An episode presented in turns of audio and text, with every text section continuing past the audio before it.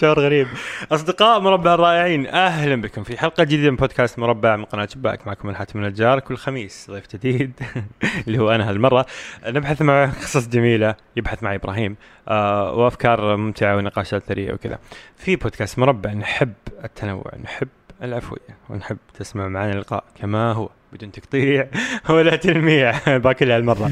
آه عشان تسمع من اللقاء آه وتستمتعوا. كذا سووا لنا share وهذه الأشياء وكذا. آه هالمره مقدمة بتكون يعني من البداية ما بسجلها بعدين لأنه الحلقة بتكون معي أنا. صديقي إبراهيم بالكباش. أعانك الله. بيستضيفني. ما أدري يعني إيش بيسألني بس قلت له قلت له يسأل اللي يبغاه ويحاول يدخل في العمق. ما حقول كثير ناس قالوا لي سوي هذه الحلقة. ما حد صراحة قال لي سوي الحلقة بس حسيت إنه أدري ودي أصير ضيف آه، وأخليكم تتعرفوا على مين هو حاتم أكثر. ف من الحين نرجسية تونا لسه بخ... بخ... بعطيك, بعطيك مجال لا تخاف. إبراهيم آه، الله يعين. تفضل إبراهيم. أهلا وسهلا حاتم. حياك الله. طيب قبل ما نبدأ أعطيك الحق إنك ما تجاوب على أي سؤال إذا جاي. شكرا. لك الحق هذا لا تخاف. طيب خلينا نبدأ كذا مرة من زمان طيب؟ أول مرة أخاف إنه البودكاست ما في تقطيع وتلميع ترى. والله؟ هذا شعور ضيوفي دائما يلا ابدأ. إيه خلاص ما حد قال لك تحط نفسك القانون هذا. طيب خلينا نبدأ كذا مرة من زمان. آه حاتم زمان يعني خلينا نقول أيام الابتدائي والمتوسط. أقدر أقول إنك من ناحية الذكاء الاجتماعي والذكاء العاطفي ما كان في أفضل مستوياته. طيب صح ولا لا؟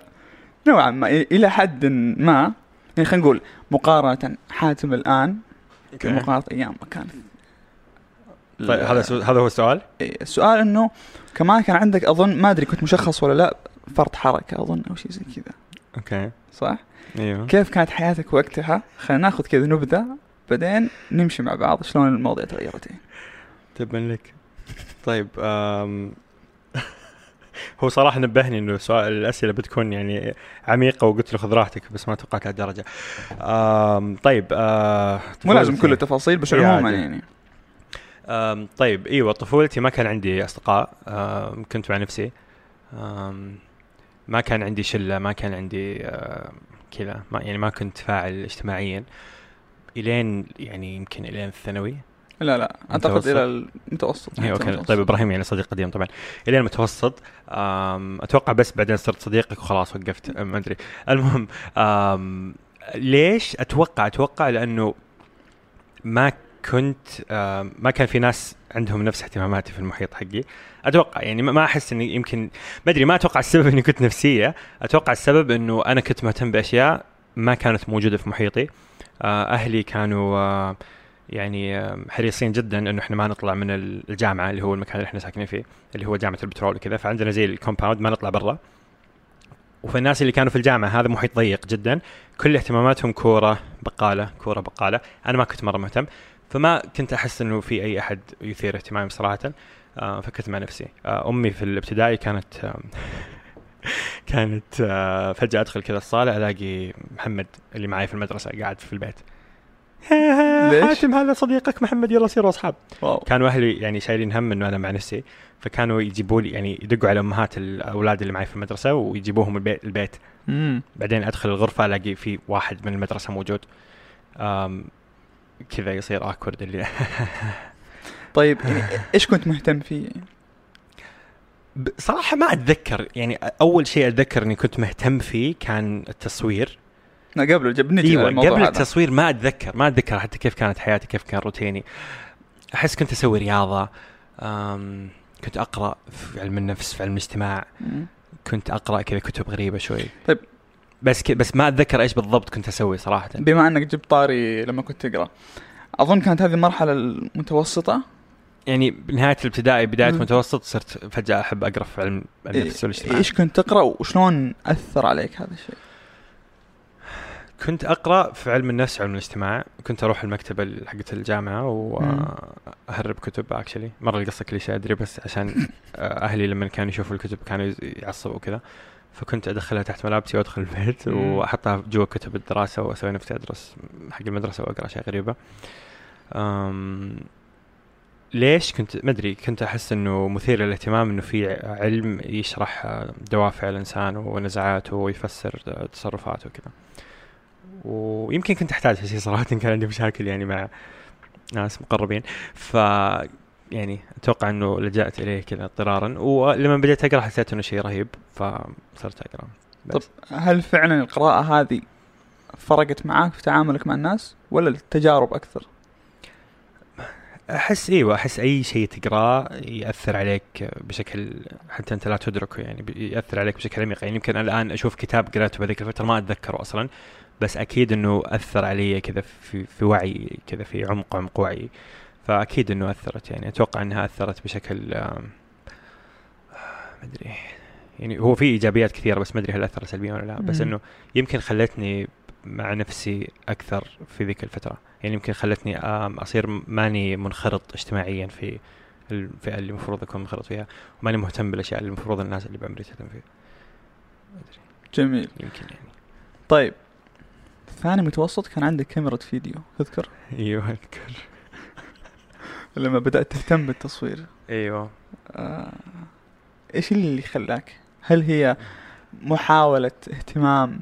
التصوير كان صدفة صدفة محضة يعني. كنا في أذكر يعني حتى كنا رايحين الرياض بالقطار وكان كاميرا العيال كذا كاميرا فيديو كان ورا فيها زي كذا حلقة focus كذا شيء تحرك ويحرك ال focus. فكنت قاعد ألعب في الكاميرا كذا من الطفش في طريق الرياض أربع ساعات وصورت كذا كم صورة بس قاعد ألعب بال focus ف فطلعت صور حلوة. صرت كذا متحمس حسيت إنه شيء رهيب شيء جديد وأنا بطبعي كذا فضولي أحب أجرب أحب أجرب. فقعدت أصور أصور أصور أصور. أبوي أبوي معماري ويدرس التصوير في العمارة وكذا وهو أصلا كان مصور يعني كهواية. فشاف الصور هذا ثالث متوسط أذكر.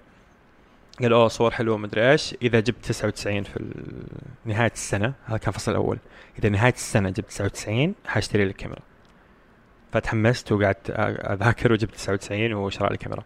فكاميرا الفيديو ذي كانت هي كذا الشيء اللي خلاني فجأة أصير أحب أصور. جميل. طيب أبغى أتكلم معك عن التصوير بس مش بالتصوير نفسه. تجربة أنك صرت مصور وكيف خلتك تدخل اجتماعيا مع ناس كثير؟ أم... أوكي اخترت الشخص صح للمقابلة. أم... التصوير أم... أوكي. so أنا حسابي في تويتر الآن حاتم دي 90 هو الكاميرا هذيك اللي اشتريتها اللي أبوي شرى لي إياها في ثالث متوسط التصوير وليش أحب الكاميرا هذه وكذا؟ لأنه أحس إنه هي مرحلة انتقالية في حياتي عموما. لأنه زي ما قلت قبل التصوير كنت آه ماني منخرط اجتماعيا وما عندي اهتمام مشترك مع الناس وكذا. التصوير خلاني أطلع للناس خلاني آه خلى عندي شيء في قيمة آه الناس تحتاجها وتبغاها وأقدر أتفاعل معهم فيها ف تعلمت اصور صرت أشارك في منتديات وقتها كان في منتديات وكذا. إيش اسم هذاك المنتدى؟ اصدقاء الضوء. friends of light فصرت أشارك فصار عندي شيء أسويه. وأحس هذه من فوائد الهواية إنه عندك شيء تبغى تتحسن فيه تبغى تتطور فيه تبغى تشارك الناس فيه تبغى تحس إنك فنان فيه تبغى تبغى تبغى تبغى. هذا بالنسبة لي كان التصوير. ففي هذيك المرحلة بديت أشارك الناس بديت أتعرف على ناس بديت أسوي دروس في منتديات ودروس كانت الحمد لله تنتشر وكذا.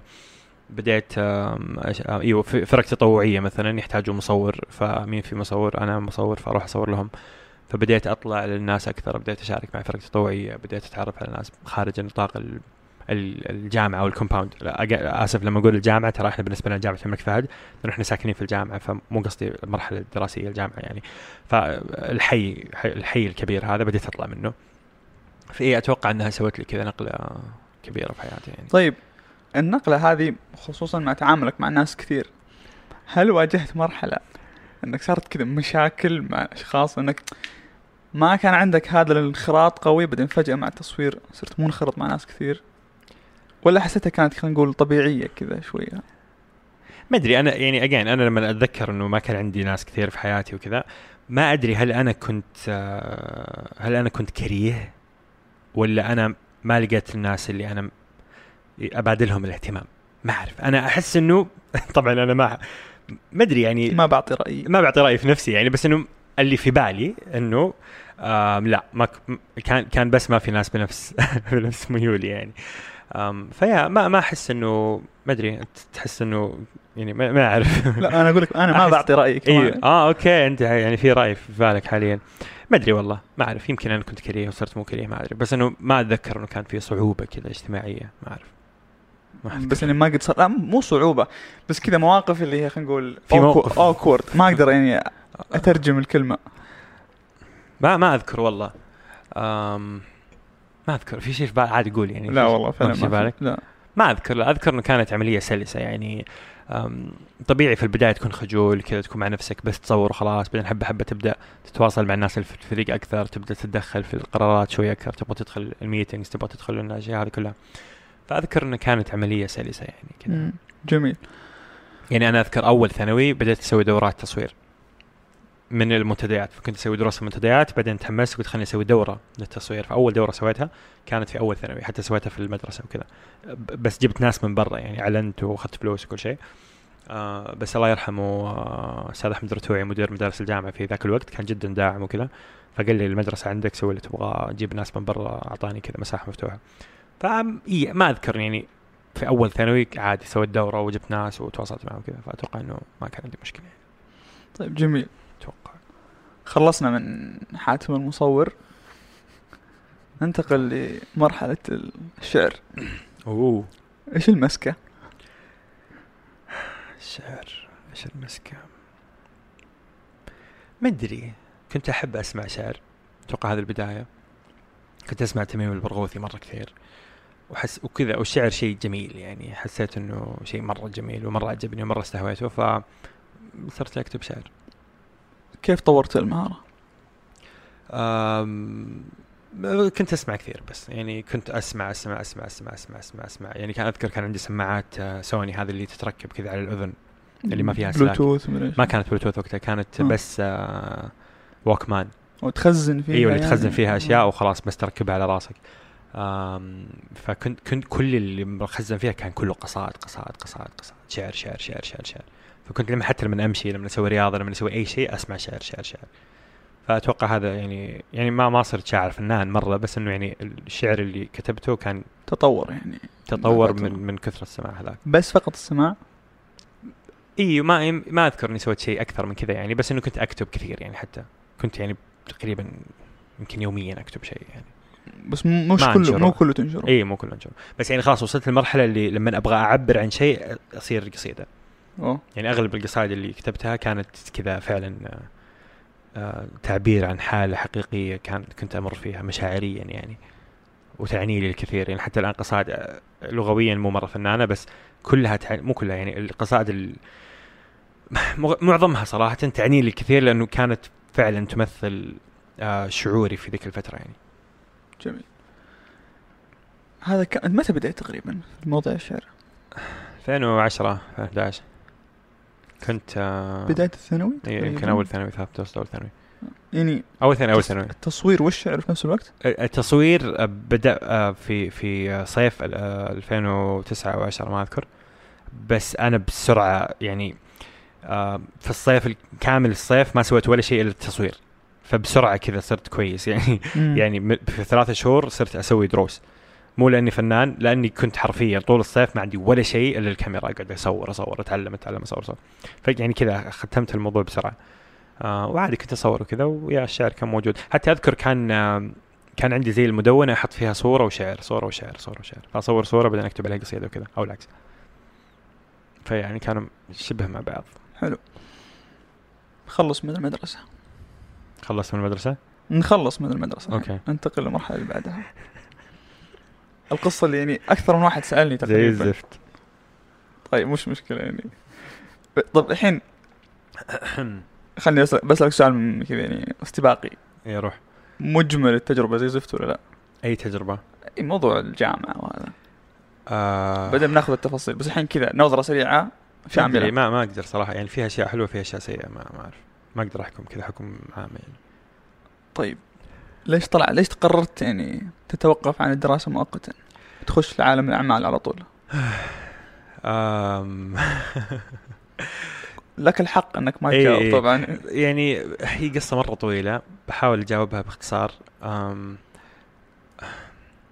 طيب سو آم. طيب أنا ما كنت أبغى أدخل بترول كنت أبغى أدخل علم نفس أو علم اجتماع على الأقل. كذا أنا هذا الشيء كان يستهويني من زمان. ف عادي أحس عادي أقول هذا الشيء. أبوي أكاديمي في البترول. طيب لأنه ما هو شيء سيء يعني. فهو في البترول وكذا. ف يعني طلاب جامعة البترول يشوفون البترول أعظم جامعة في التاريخ. ما بالك في أبوي اللي هو طالب ثم دكتور كذا ل 30 سنة يمكن. فيشوف إنه جامعة البترول أفضل جامعة في العالم. والكواكب والمجموعات الشمسية وال black holes وفي كل مكان في العالم. ف... فمين أنا عشان أجي أقول له لا ما أبغى بترول؟ لا طبعا مع نفسك يعني. فباختصار وهي قصة شهيرة تصير عند نص عوائل السعودية أو العالم العربي يمكن. ما في ما في إلا بترول علم نفس أصلا مو علم هذا أصلا ارتقاءات هذا كلام ما هو علمي مدري إيش. فلا ما في علم نفس غصبا عنك بترول. فاصلا كنت داخل بترول واصلا أنا ما أبغى بس خلاص خضعت للأمر الواقع. وقلت آه، أوكي إيش في في البترول؟ أكثر شيء يعني أقدر أستفيد منه. لأن كانت الخطة أكمل بترول بعدين أرجع ادرس علم نفس فقلت يلا بدرس تسويق marketing. أقدر أستفيد منه في أي شيء في حياتي وما ما بدخل هندسة. ما أصلا ماني مرة فنان يعني في الرياضيات و physics وهندسة وكذا. فقلت خلاص بدخل تسويق ويلا. واصلا أنا داخل البترول أصلا أصلا يعني أصلا آه، متنازل يعني وكذا وخاضع للامر الواقع. وقدمت في البترول انقبلت في البترول صارت كذا أشياء إدارية غبية ما حاب أتكلم في تفاصيلها. بس الزبدة إنه صار إني بدخل بترول فلازم أروح كلية مجتمع بعدين بعد كلية المجتمع أرجع بترول بعدين صار التأخير زيادة فصار إني بقعد سبع سنين عشان أطلع بكالوريوس اللي أصلا أصلا ما كنت أبغاه. فقررت إني أسحب بعد تقريبا سنة سنة ونص وبس وطلعت من الجامعة. وفي ذيك الفترة كنت كنت حانق على الشهادة. آه إي إنه إيش إيش إيش اللي إيش هذه الشهادة اللي لازم تكون عندي عشان أعيش حياة كريمة وإذا أنا ما ما جبت شهادة فأنا ما اسوى شيء وكذا. فكان عندي كذا شعور ثوري تجاه إنه ما أبغى شهادة خلاص. اوه جتك لحظة اني أقول لك أنا- إي جتني فترة إنه أنا حطلع من الجامعة وطز بالشهادة أصلا. وليش كل أحد يقول إنه أنت بدون شهادة ما تسوى شيء؟ ويعني كيف كيف كيف أنا إنسان ما أسوى شيء إلا إذا في مؤسسة تعليمية قالت إنه هذا معتمد في تخصص الهندسة النووية ولا الفيزياء ولا الكيمياء ولا كذا فكرة مستفزة يعني من ناحية تقصد قيمتك كإنسان إيوه يعني. إيوه أنا إنسان عندي مخ طيب وعندي حياة وعندي أهل ربوني وعندي مو عندي أشياء طيب بعدين لا أنا أنا آه، قيمتي صفر إذا ما جت مؤسسة تعليمية جامعة إيش؟ إيش الجامعة؟ كأنها شركة تعلم مو شيء يعني خرافي ما هو نبي منزل لازم هذه الجامعة تجي وتقول هذا الشخص معتمد بعدين فجأة مو بس في التخصص يعني لو جت الجامعة البترول قالت هذا معتمد في آه، في تخصص آه، الماركتينج التسويق آه، أنا مو بس أصير معتمد في التسويق أنا أصير معتمد في المجتمع اصير معتمد عند آه، أبو البنت اللي بتزوجها واصير معتمد عند أعمامي واصير في المجلس آه، يفخر بي وأبوي يروح للناس يقول هذا ولدي يتخرج من البترول marketing. اللي ما له دخل يعني إيش دخل ال marketing في التسويق في, في إني أصير معتمد في المجتمع وأصير محترم وكذا. فكانت مستفزتني الفكرة صراحة. فجت فترة طويلة كنت إنه لا شكرا ما أبغى. أنا كذا أنا أعرف إنه أقدر أعيش حياة كريمة وأطلع فلوس كويسة وأكون وأكسب احترام المجتمع والناس والحياة وكذا بدون شهادة. ليش لازم شهادة؟ لا خلاص أنا بعيش بطلع من الجامعة وببدأ أشتغل وبتعلم مع نفسي بطريقتي الخاصة وبطلع من الجامعة وما عمري حأروح جامعة أصلا وحكون إنسان محترم وحكون عندي فلوس وحشتغل شغل كويس وعادي وما حينق- ما ينقصني شيء. فجتني هذه اللحظة وتركت الجامعة. طيب تركت ما جلست في الشرقية؟ قررت إنك تنتقل للضفة الأخرى من المملكة العربية السعودية يعني. إيش السبب اختيارك جده ليه مو الرياض؟ طيب. الرياض يا أخي بزنس هناك والشغل كله هناك.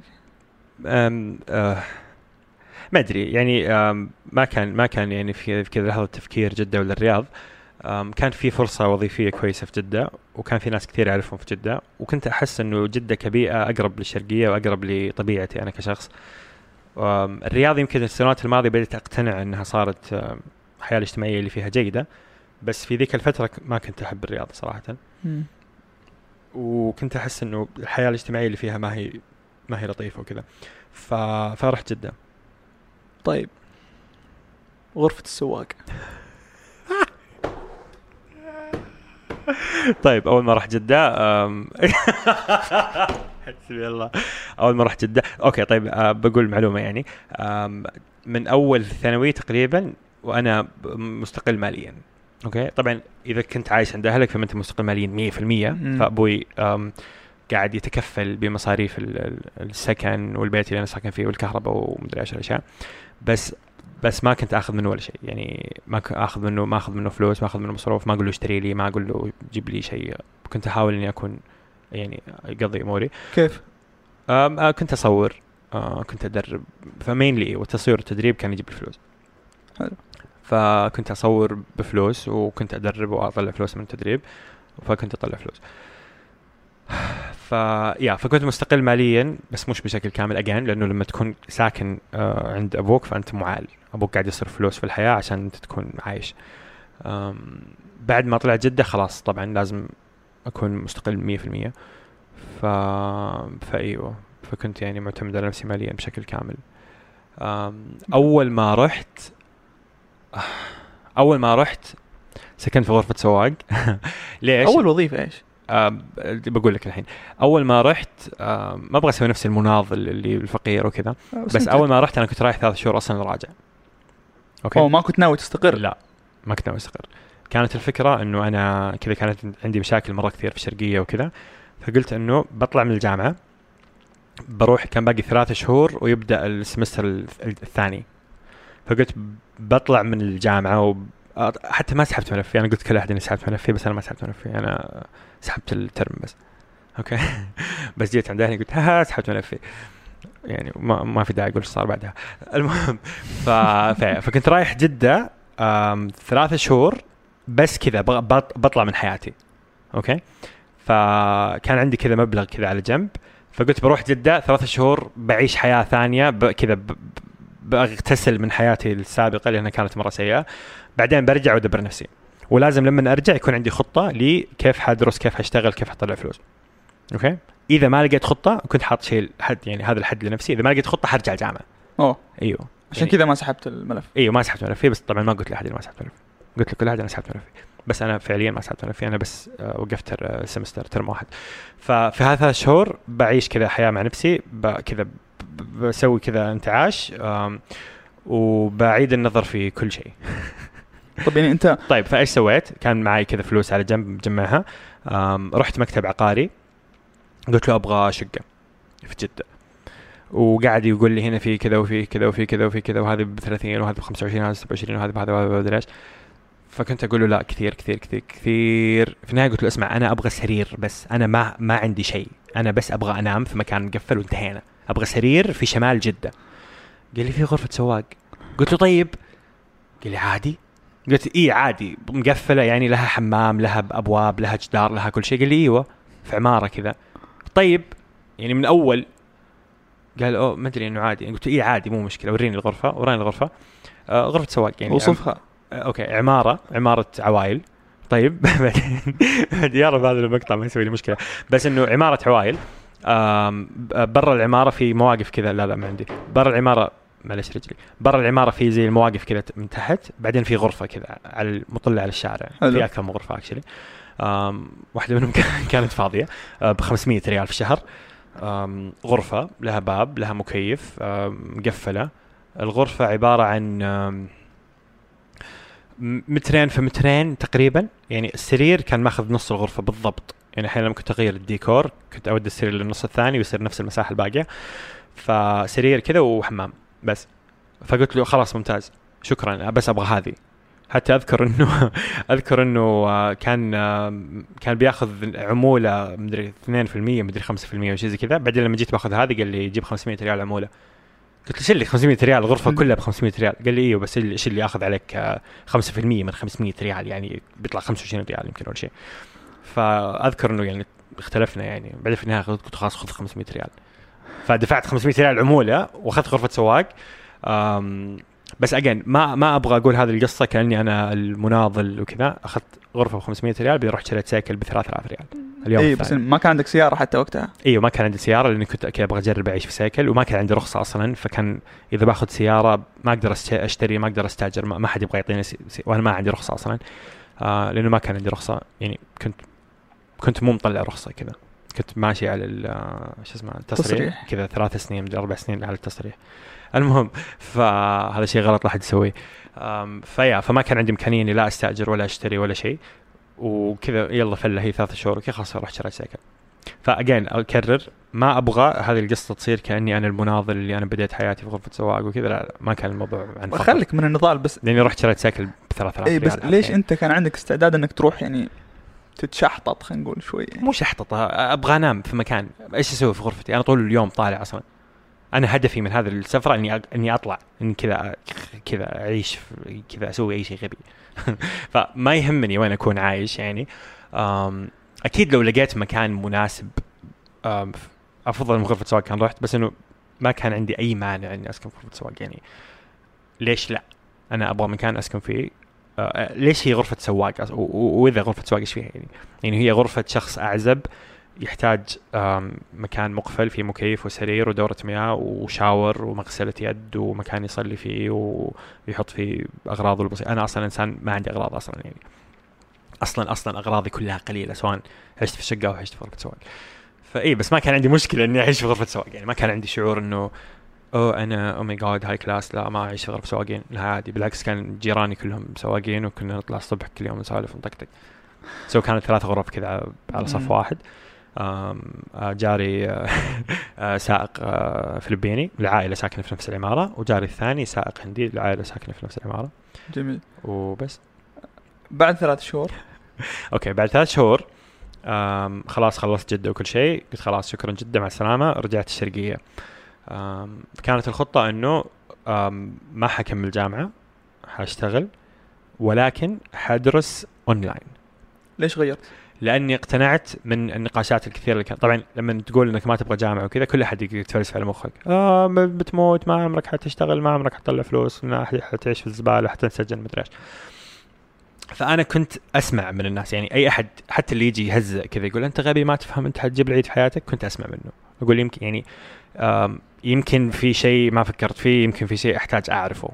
فعادي أي أحد بيتفلسف على مخي أجي أسمعه وأسمع منه.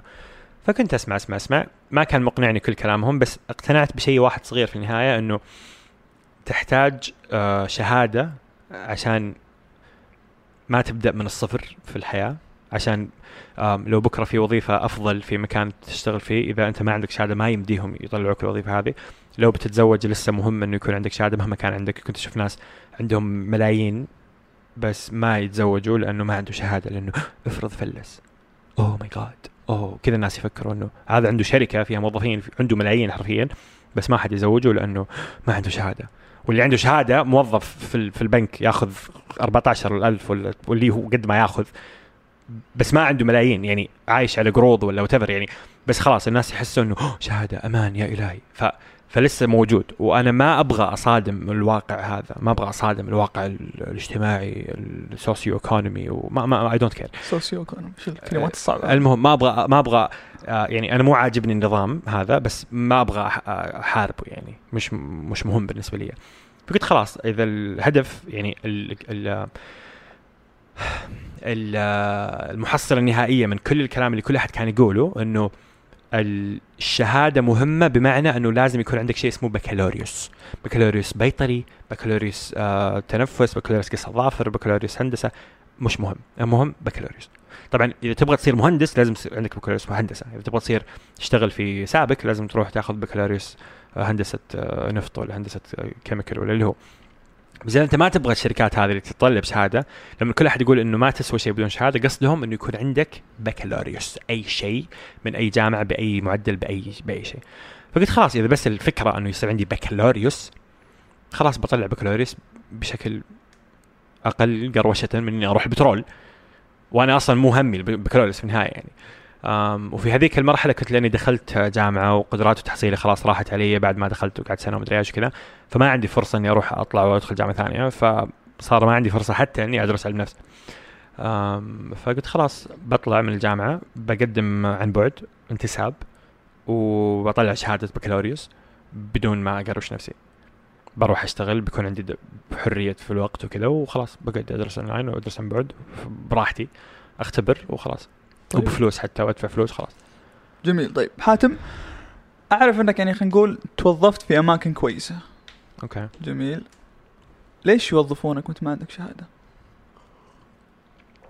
أم هذا سؤال مهم لأنه كثير ناس يكلموني يبغوا يطلعوا من الجامعة وكذا اللي أوه خلاص عادي يمدينا نطلع ونشتغل وخلاص الفترة اللي اشتغلت فيها في التطوع تعلمت مهارات كويسة خصوصا في الإدارة وكذا والتعامل مع الناس و... وتشغيل الأشياء إنك كيف كيف يعني كيف يعني يعني؟ آه عندك فريق يؤدي مهمة معينة كيف تقدر تشغل هذا الفريق كيف تقدر تدير هذا الفريق بشكل يخليه يؤدي مهامه بشكل جيد وفي كفاءة جيدة وكذا ف فالشركات خصوصا الشركات الصغيرة اللي ما هي حكومة أو ما هي شركات كبيرة ما هي أرامكو سابق بنوك ما أدري إيش ما تهتم للشهادات بقدر ما هي تهتم للقيمة المباشرة اللي أنت حتضيفها لي لما أدخلك الشركة. وهذا الشيء المفروض اللي كل أحد يسويه صراحة بس الشركات الكبيرة مشوار انها تسوي زي كذا. فأي شركة صغيرة ما تهتم أنت شهادتك يعني أنت مثلا مصمم جرافيكي. ما أبغى أنا وأنا مسوي شركة ناشئة. ما يهمني أنت إيش عندك بروفيسوراه في المصمم جرافيكي. بروفيسورة. ما أدري إذا في شيء زي عندك دكتوراه ولا اللي هو. حقول لك وريني الملف حقك. أو أنت تعرف تصمم. أيوه واضح إنك تعرف تصمم. حوظفك انتهينا. ف فكان عندي قيمة أقدر أضيفها للشركات في مجال التشغيل والإدارة وكذا. وبس كنت أشتغل في هذا الشيء. وكان عندي تجارب سابقة تثبت إني أنا كويس. و وفي شيء اللي يسموه ال soft skills المهارات الدقيقة هذه حقت إنه تعرف تتكلم تعرف تكتب إيميل تعرف آه، تعرف تكون تظهر بمظهر لائق تظهر بمظهر مناسب تعرف تتواصل مع الفريق تعرف تعمل تحت إدارة تعرف تتعامل مع مديرك لما يكون عندك مدير تعرف تكون أنت مدير لما يكون عندك ناس تدير شغلهم وكذا. هذه مهارات صغيرة ما تتعلمها في الجامعة إلا إذا جامعتك كانت كويسة. تتعلمها مع التجربة مع مع العمل. عشان كذا أنا دائما أشجع الناس إنه حتى العمل التطوعي مرة شيء كويس. فأي عمل تسويه تتعلم هذه المهارات ال- اللي سوت فكانت الحمد لله موجودة عندي فكانت الشركات الصغيرة خصوصا تشوف إنه ممكن نستفيد من هذا الشخص وأتوقع إني كنت مفيد يعني يعني تجرباتك أو تجاربك التطوعية هي أكثر مكان تعلمت منه هذه إي أكيد. جميل. يعني ال- التطوع بالنسبة لي كان كأني توظ... كأني كنت intern كأني كنت موظف متدرب في الشركات. لأنه التطوع في النهاية هو مجموعة من البشر يحاولوا أنهم يؤدوا هدف معين لخدمة ناس معينين أو لإنتاج آم، شيء معين which is هذا الشركة أصلا إيش هي الشركة. مجموعة من البشر يبغوا يسووا product أو service يبغوا يسووا آه، منتج أو خدمة. فهي نفس الفكرة. إنه و again أنت تعمل تحت إدارة تعمل مع فريق تحاول أن تنتج شيء معين. وفي آه، حد زمني في timeline في آه، في تأخير في مدري إيه، في قدم سويت كويس ما سويت كويس في كل هذه الأشياء الصغيرة اللي موجودة في الشركات أصلا. طيب جميل. تجربة ال- الاستقلال كثير من الناس يتمنوا انه خلاص بروح أطلع أعيش لحالي وأصير أعتمد على نفسي. كيف تقيم تجربتك؟ وكيف كنت تتعامل مع الخوازيق؟ اللي تجيلك من كل actually فترة اول لفترة؟ طيب so الثلاث شهور ما تعتبر لأن إي كانت خلها، هذه فلة. كانت كذا فلة. أروح ب cycle وأروح شغلي ب cycle وأروح الكورنيش ب cycle وأتنقل ب cycle وكذا طبعا كنت أستخدم اوبر كريم يعني عند الحاجة بس أغلب تنقلاتي كانت ب cycle آه، حتى يعني ماليا ما كنت أفكر فيها كشيء مستدام كنت أفكر فيها إنه عندي ثلاث شهور طز بالفلوس عادي أصرف كل فلوسي ولا مش مهم بسوي ثلاث شهور برجع حياتي طبيعية بعد ثلاث شهور اللي هي كانت 2016 آه 17 جانيوري. آم، يعني أو أو ثالث أسبوع في 2016 بداية سنة 2016 هي اللي خلاص رحت في جدة استقليت. سكنت في شقة الحمد لله طبيعية وكذا. شق حقيقية. أيوه شقة حقيقية وكذا وغرفتين وصالة وحمامين ومطبخ وكذا ومكان محترم وكل شيء. آه فيا الاستقلالية استقلاليه صعبة قوية والله. الناس اللي تبغى تسكن لحالها في تحليلي الشخصي بعد تجربتي السيئة. سيئة. إيه. آم، مو كلها سيئة بس يعني الحين بقول لك الناس ما تبغى تسكن لحالها. هي تبغى ما تسكن مع الناس اللي هي ساكنة معهم.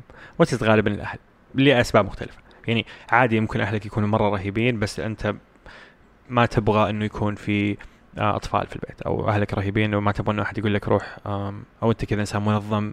فأهلك فجأة يقول لك تعال الحين بنطلع بعدين يخرب جدولك كل يوم بغض النظر عن الأسباب آه إلى أي درجة هي سيئة أو مو سيئة أغلب الناس اللي أعرفهم وكلموني إنه أوه اسكن لحالي. السبب الحقيقي هو إنك ما تبغى تسكن مع أهلك. في ناس يحبوا أهلهم واهلهم يحبوهم بس يبغى يحس إنه مستقل كذا ما يبغى يحس إنه هو معال وفي في حضن ابوه وامه وكذا فيروح من هنا ويسكن لحاله is أسوأ تجربة بشرية مريت فيها في حياتي بدون أي منافسة. واو. يعني إيه بدون أي منافسة. أسوأ أسوأ شيء صار في حياتي وحياتي فيها أشياء مرة سيئة وهذا أسوأهم. آم مو أسوأهم استغفر الله يعني بس يعني سيء مو- سيء مرة. لأنه آه، المكان البيت اللي ما فيه أحد موحش موحش موحش موحش ما ما كذا ما تتصور لأي درجة موحش وإنك عايش لحالك في كميه حرية آه غير مضبوطة. غير صالحة لل- للحياة طبيعية. ولما نقول حرية ما أتكلم عن الفساد الأخلاقي وإنه بسوي بارتي في الغرفة في الشقة وكذا ما أتكلم عن هالأشياء أتكلم عن إنه يمديك تكون منفس طول الوقت وما حد يعرف إنك منفس. هذه أشياء غريبة. صغيرة أيوه. لو رجعت البيت وقعدت كذا في زاوية تتأمل السقف طول الوقت يمديك تقعد أربع أيام على هذه الحالة وما يصير شيء. بينما لو كنت عايش مع ناس ما يمديك تسوي زي كذا. عندك آه، حدود أخلاقية آه، مو أخلاقية عفوا.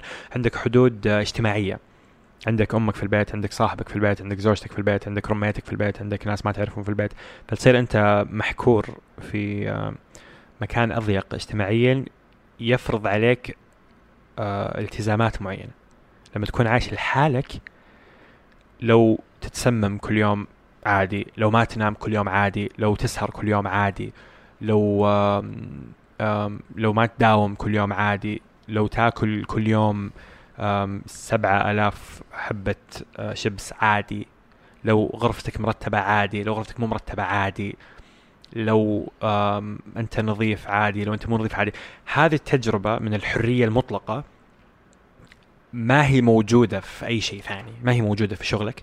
ما هي موجودة في حياتك كزوج لاحقا وكأب وكذا. ما هي موجودة في حياتك كأبن في, البيت. ما هي موجودة في أي شيء. موجودة فقط أنك تسكن لحالك. وتجربة سيئة جدا. سيئة جدا. كنت يعني آه، حياتي الاجتماعية عظيمة الحمد لله في جدة برا برا برا البيت, البيت. فأكون سعيد جدا برا البيت وحافل وكذا والناس تحفل بي واحيانا يسووا لي هذه حركات oh my God حاتم النجار يرسلوا لي دعوة مدري إيش هذه الأشياء. ف اكون يعني ما أبغى أكون كريه بس يعني أكون في مكان مرسلين لي دعوة وفي خمسين شخص قاعد يصفق لي وكل شيء. بعدين أرجع الشقه لحالي ال ال الخسف اللي يصير في الشعور الاجتماعي من شعور اجتماعي حافل جدا. أنت محط انتباه وفي stage أنت قاعد على ال stage وفي خمسين واحد يصفق لك وكذا واحيانا أكثر. بعدين ترجع البيت كذا. تدخل الغرفة. ما ما في أي ما في أي ردة فعل لما تدخل البيت. ما في أي أي ردة فعل لما تحط الشنطة. ما في أي ردة فعل لو قاعد تبكي أو قاعد تضحك أو قاعد مبسوط أو قاعد زعلان ما في أي شيء ما في. أنت كذا في بيئة معزولة من البشر ومن أي تفاعل اجتماعي عاطفي نفسي صفر ولا شيء ولا شيء, ولا شيء. اللي ما سكن لحاله يحسبني أبالغ بس اللي سكن لحاله يعرف هذا الشعور ولا شيء. فكانت كان تصير لي هذا الخسف وكان متعب كان مؤلم. كان طب- متعب جدا. طب يمكن لأنك أنت شخص اجتماعي مرة. ممكن ممكن بس أحس إنه برضو الوحدة شيء مهما كان. يمكن يختلف بدرجات يعني في واحد شخص في شخص واحد أعرفه كان مرة سعيد بتجربة إنه ساكن لحاله يقعد كذا يقول يقعد يلعب ألعاب فيديو جيمز يقعد يقرأ وكذا سبع ساعات ولا حوله. فكان سعيد مرة. بس ما أدري مين الطبيعي فينا هل هو ولا أنا. بس أنا أحس إنه غالبية البشر لن يهنأوا بتجربة عفوا السكن منفردا تجربة موحشة جدا وسيئة جدا. ف... فاللي تبغاه إنه تكون ساكن في مكان آه فيه حرية أنت تقرر متى تطلع إيش تاكل متى تجي وكذا بس إنه في ب... في في بشر. في بشر ما يصادمون حريتك هذه. آه وتجربة صارت لي الحمد لله وكانت بعد ما بعد ما سكنت لحالي كانت سيئة جدا فقلت لازم أجيب roommate. وجبت roommate. roommate يعني شخص يشاركني السكن. شقتي أصلا كانت already فيها غرفتين وحمامين وصالة كبيرة ومطبخ كذا ف already كانت كافية إنه يجي أحد أصلا يسكن. فجبت واحد سكن معاي آه كانت تجربة عظيمة مع إنه ما كان في بيننا تواصل يعني كان مع نفسه وأنا مع نفسي وما بيننا أشياء مشتركة. يعني عادي نكون قاعدين في الصالة هو يتفرج تلفزيون وأنا قاعد على لابتوبي ويطلب من مطعم ويجي أكل المطعم ويأكل ولا يكلمني. عادي. بس إنه موجود. بس موجود. فما يهتم يعني لو أموت قدامه ما ما يسوي شيء عادي. هذاك تحديدا هذاك الشخص يعني أوجه له تحية. آه لأنه كانت تجربة عظيمة يعني. أذكر بعد ثمانية شهور كان خلاص ماشي لأنه بيرجع بيسافر. فجاء كذا أوه يلا أنا ماشي. قلت أوه يلا توفيق سلمت عليه كذا صافحته ومشي. آه بعدين استوعبت إنه هذه كانت أول مرة ألمسه في حياتي. إيوه. واو. إيوه وهذا الوداع كان أوه يلا أنا ماشي. أوه يلا بتوفيق سلمت عليه ومشي. ما في أي اهتمام بيني وبينه ما في أي شيء. حتى في الثلاجة كان عندنا ثلاجة كبيرة. فعشان ما نبغى ندخل في قروشة إنه أنا شريت بيض وأنت كم أكلت وأنا كم أكلت وكم لي وكم لك كنا مقسمين الثلاجة نصين. حرفيا كان في خط اليمين أنا اليسار هو. الفريزر نفس الشيء اليمين حاتم اليسار هو. طيب خط. يروح يشتري بيض وأنا أشتري بيض. يشتري زبدة لأنه كنا كلنا كنا نسوي كيتو. يشتري زبدة أشتري زبدة. يشتري خس أشتري خس. ما ما له دخل. أنا هذا البيض حقي وهذا البيض حقك. فما كان في أي تواصل بينه وبينه. مو أي تواصل يعني يعني كان في تواصل بسيط مرة بس ما كان ما كان في اهتمام. ما أطلع معاه ما نتغدى سوا ما نأكل سوا ما ما نسولف نادرا. بس كان رهيب كان مريح كان جدا مريح. لأن أرجع البيت أدري إنه في حياة في البيت. أجلس في الصالة أسوي. أسوي حياتي وهو يسوي حياته بس إحنا قاعدين في نفس المكان. حلو صراحة يعني كان مريح. فحرية مطلقة ما الأم دخل فيك ما لك دخل فيني. في نفس الوقت في كذا جانب مسؤولية بسيط إيوه في إني ما أقدر موجود. إيوه ما أقدر أكون مرة منفس أو ما أقدر أصير مرة غبي أو ما أقدر آكل بشكل غبي أو ما أقدر ما شعور غريب ما أدري كيف أوصفه بس إنه يعني في عبء اجتماعي إنه في شخص قاعد يشوفني. في شخص لو قعدت ثلاث أيام ما طلعت من غرفتي في شخص يعرف إني بيجي يقول لي إيش فيه. ف إيوه. مع إنه ذاك الشخص أتوقع عادي. اذا شم ريحة جثة ممكن يفكر. بس حلو فعلا إنه بعض الأحيان تحس إنه المسؤولية هي حمل أكثر من إنها يعني فائدة. بس فكرة إنه وجود المسؤولية يمنعك إنك تسوي أشياء ثانية. الحدود هذه اللي في الحياة اللي إحنا أحيانا نزعل منها هي اللي تخلينا متماسكين. جميل. بدون الحدود هذه أنت خلاص تسيل كذا تتشتت تتكسر روحك. الله رجعت لأيام الشعر أنت. إيه مدري طيب آه ما أبغى أدخل في موضوع شو بقول إنك تكلمت فيه مرة كثير. Yeah. بس أبغاك آه تقول لي إيش الشرارة اللي خلتك تفكر فيه وليش الحين انطفى شو بقول؟ اللي ما يعرفه هو كذا كذا فكرة نشرتها عن كيف نسوي شيء واحد وقت واحد وما نتشتت مع الجوالات وكذا. ال... حط الرابط في الوصف. إيوه في كذا voice يعني في في SoundCloud شرحت الفكرة. أم بدري شوبجو كان كذا تفكير كنت أفكر أفكر أفكر. بعدين بديت ألاحظ إنه في شيء غريب قاعد يصير مع مع الجوالات. كل أحد ماسك جوال في كل مكان طول الوقت. بعدين في أذكر شفت فيديو لدكتور خالد اليحيى. كان يتكلم عن آلة في جوجل تبحث تبحث بالكتب. so جوجل جايب الكتب اللي مكتوبة في ال 200 سنة الماضية ويمديك تبحث. مثلا تقول war حرب. فتبحث. فتلقى إنه كلمة حرب آه قاعدة تزيد في الكتب في عام 1805 بعدين قاعدة تقل في 1850 بعدين زادت وكذا. فيجيب لك تكرارية الكلمات عبر الزمن في الكتب الموجودة في جوجل. فقلت إنه كان كذا في بالي فكرة إنه أكيد إنه الناس لأنها صارت تاخذ الجوالات فصارت ما تطلع أفكار في الحمام. أوكي؟ إنه صارت تطلع أفكار في الحمام لا لا ما تطلع؟ صار ما تطلع. ما تطلع. إيوه لأنه كل أحد يطلع أفكار في الحمام هذا شيء معروف. فأكيد إنه لأنه إحنا بطلنا أو لأنه صرنا نأخذ جوالات الحمام أدري إنه مكان غبي يبدأ منه الفكرة بس إنه هذا اللي صار. آه في الحمام تطلع أيوة أيوة, إيوه في الحمام تطلع الأفكار وكذا. فإنه الحين صرنا ندخل جوالات فأكيد لما نبحث في هذه الأداة حنلاقي إنه الكتب قل فيها كلمة باثروم ايدياز أفكار الحمام. فبحثت بالكلمة ولقيت إنه فعلا قل. بس هو أصلا كم كان عشان يقل؟ بالضبط هذا اللي صدمني. اللي صدمني إنه بداية من 1900 صار في شيء اسمه أفكار حمام. يعني قبل 1900 ما كان في شيء اسمه أفكار حمام. طب الكتب اللي أصلا جوجل عندها من أي سنة؟ من 1800 أوه. يعني في 100 سنة كلمة أفكار حمام ما كانت موجودة. يمكن toilet يمكن كان ال bathroom له اسم ثاني. ما أدري. الفرضية كانت إنه بعدين لما قعدت أراجع نفسي التاريخ القصص القصائد ما في شيء ما كان في شيء مشهور عن البشر إنهم هم يفكرون أفكار إبداعية أثناء قضاء الحاجة. يعني آه ربط غريب أصلا. إيش دخل هذا في هذا؟ فبديت أخاف إنه في شيء الإبداع البشري كان يصير في أي مكان في الحديقة أو وانت ماشي أو أنت راكب حصان ولا يمديك تفكر أفكار خلاقة في أي وقت في أي مكان. فجأة صار بس في الحمام. صار يعني صار الحمام مكان للإنتاج الإبداعي للإنسان. ليش؟ فجأة شيء مرة غبي. يعني لو تفكر فيه إحنا متعودين على آه فكرة في الحمام متعودين بس إنه تفكر فيها من جد. يعني قضاء حاجة أفكار إبداعية. مرة خطأ. ما هو شيء لطيف أصلا. يعني ليش خطأ؟ لأنه يعني ليش آه، انتج افكار ابداعيه أثناء قضاء الحاجة؟ ما له دخل الجهاز العصبي ما هو مرتبط مع ال- الجهاز الإخراجي بهذه الطريقة يعني إنه لما هذا يشتغل هذا يشتغل يعني هي فكرة غبية ترى بس إحنا خلاص متعودين عليه أفكار حماميه عادي فكرة غبية مرة أوكي؟ فإنه فجأة.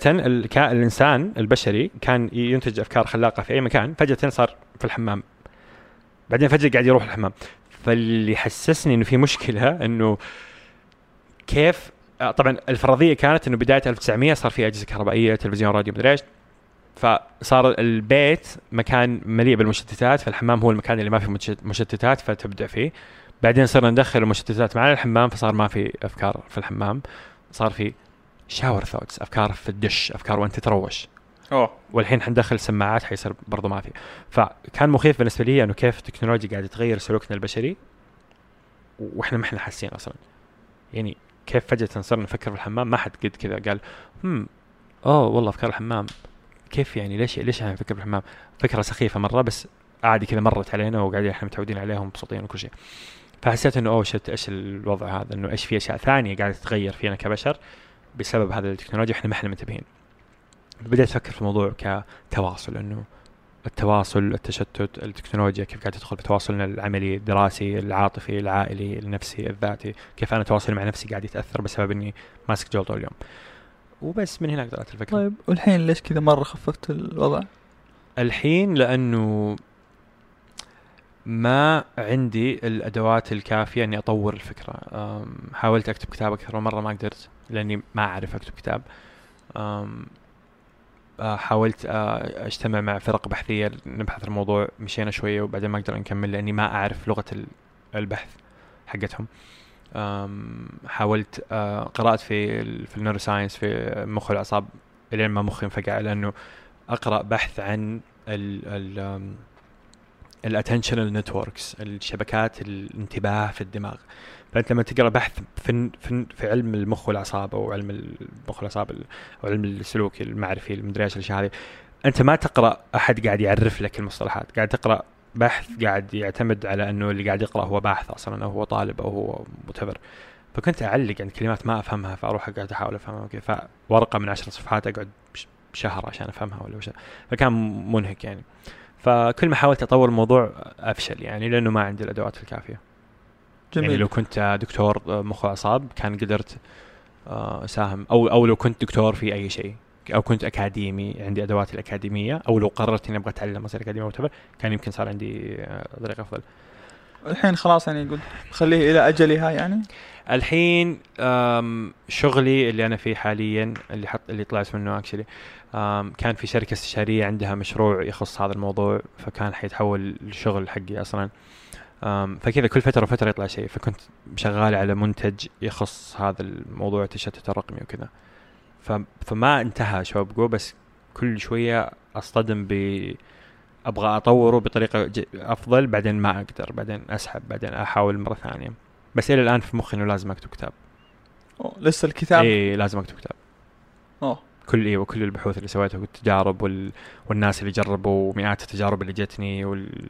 والاستبيانات اللي نشرتها للناس اللي جربوا والمعلومات هذه كلها حرام إنها كذا بس خلاص تروح جميل. بجمعها كلها في كتاب بطريقة معينة وضبط ضبط ما ضبط خلاص عاد مع نفسي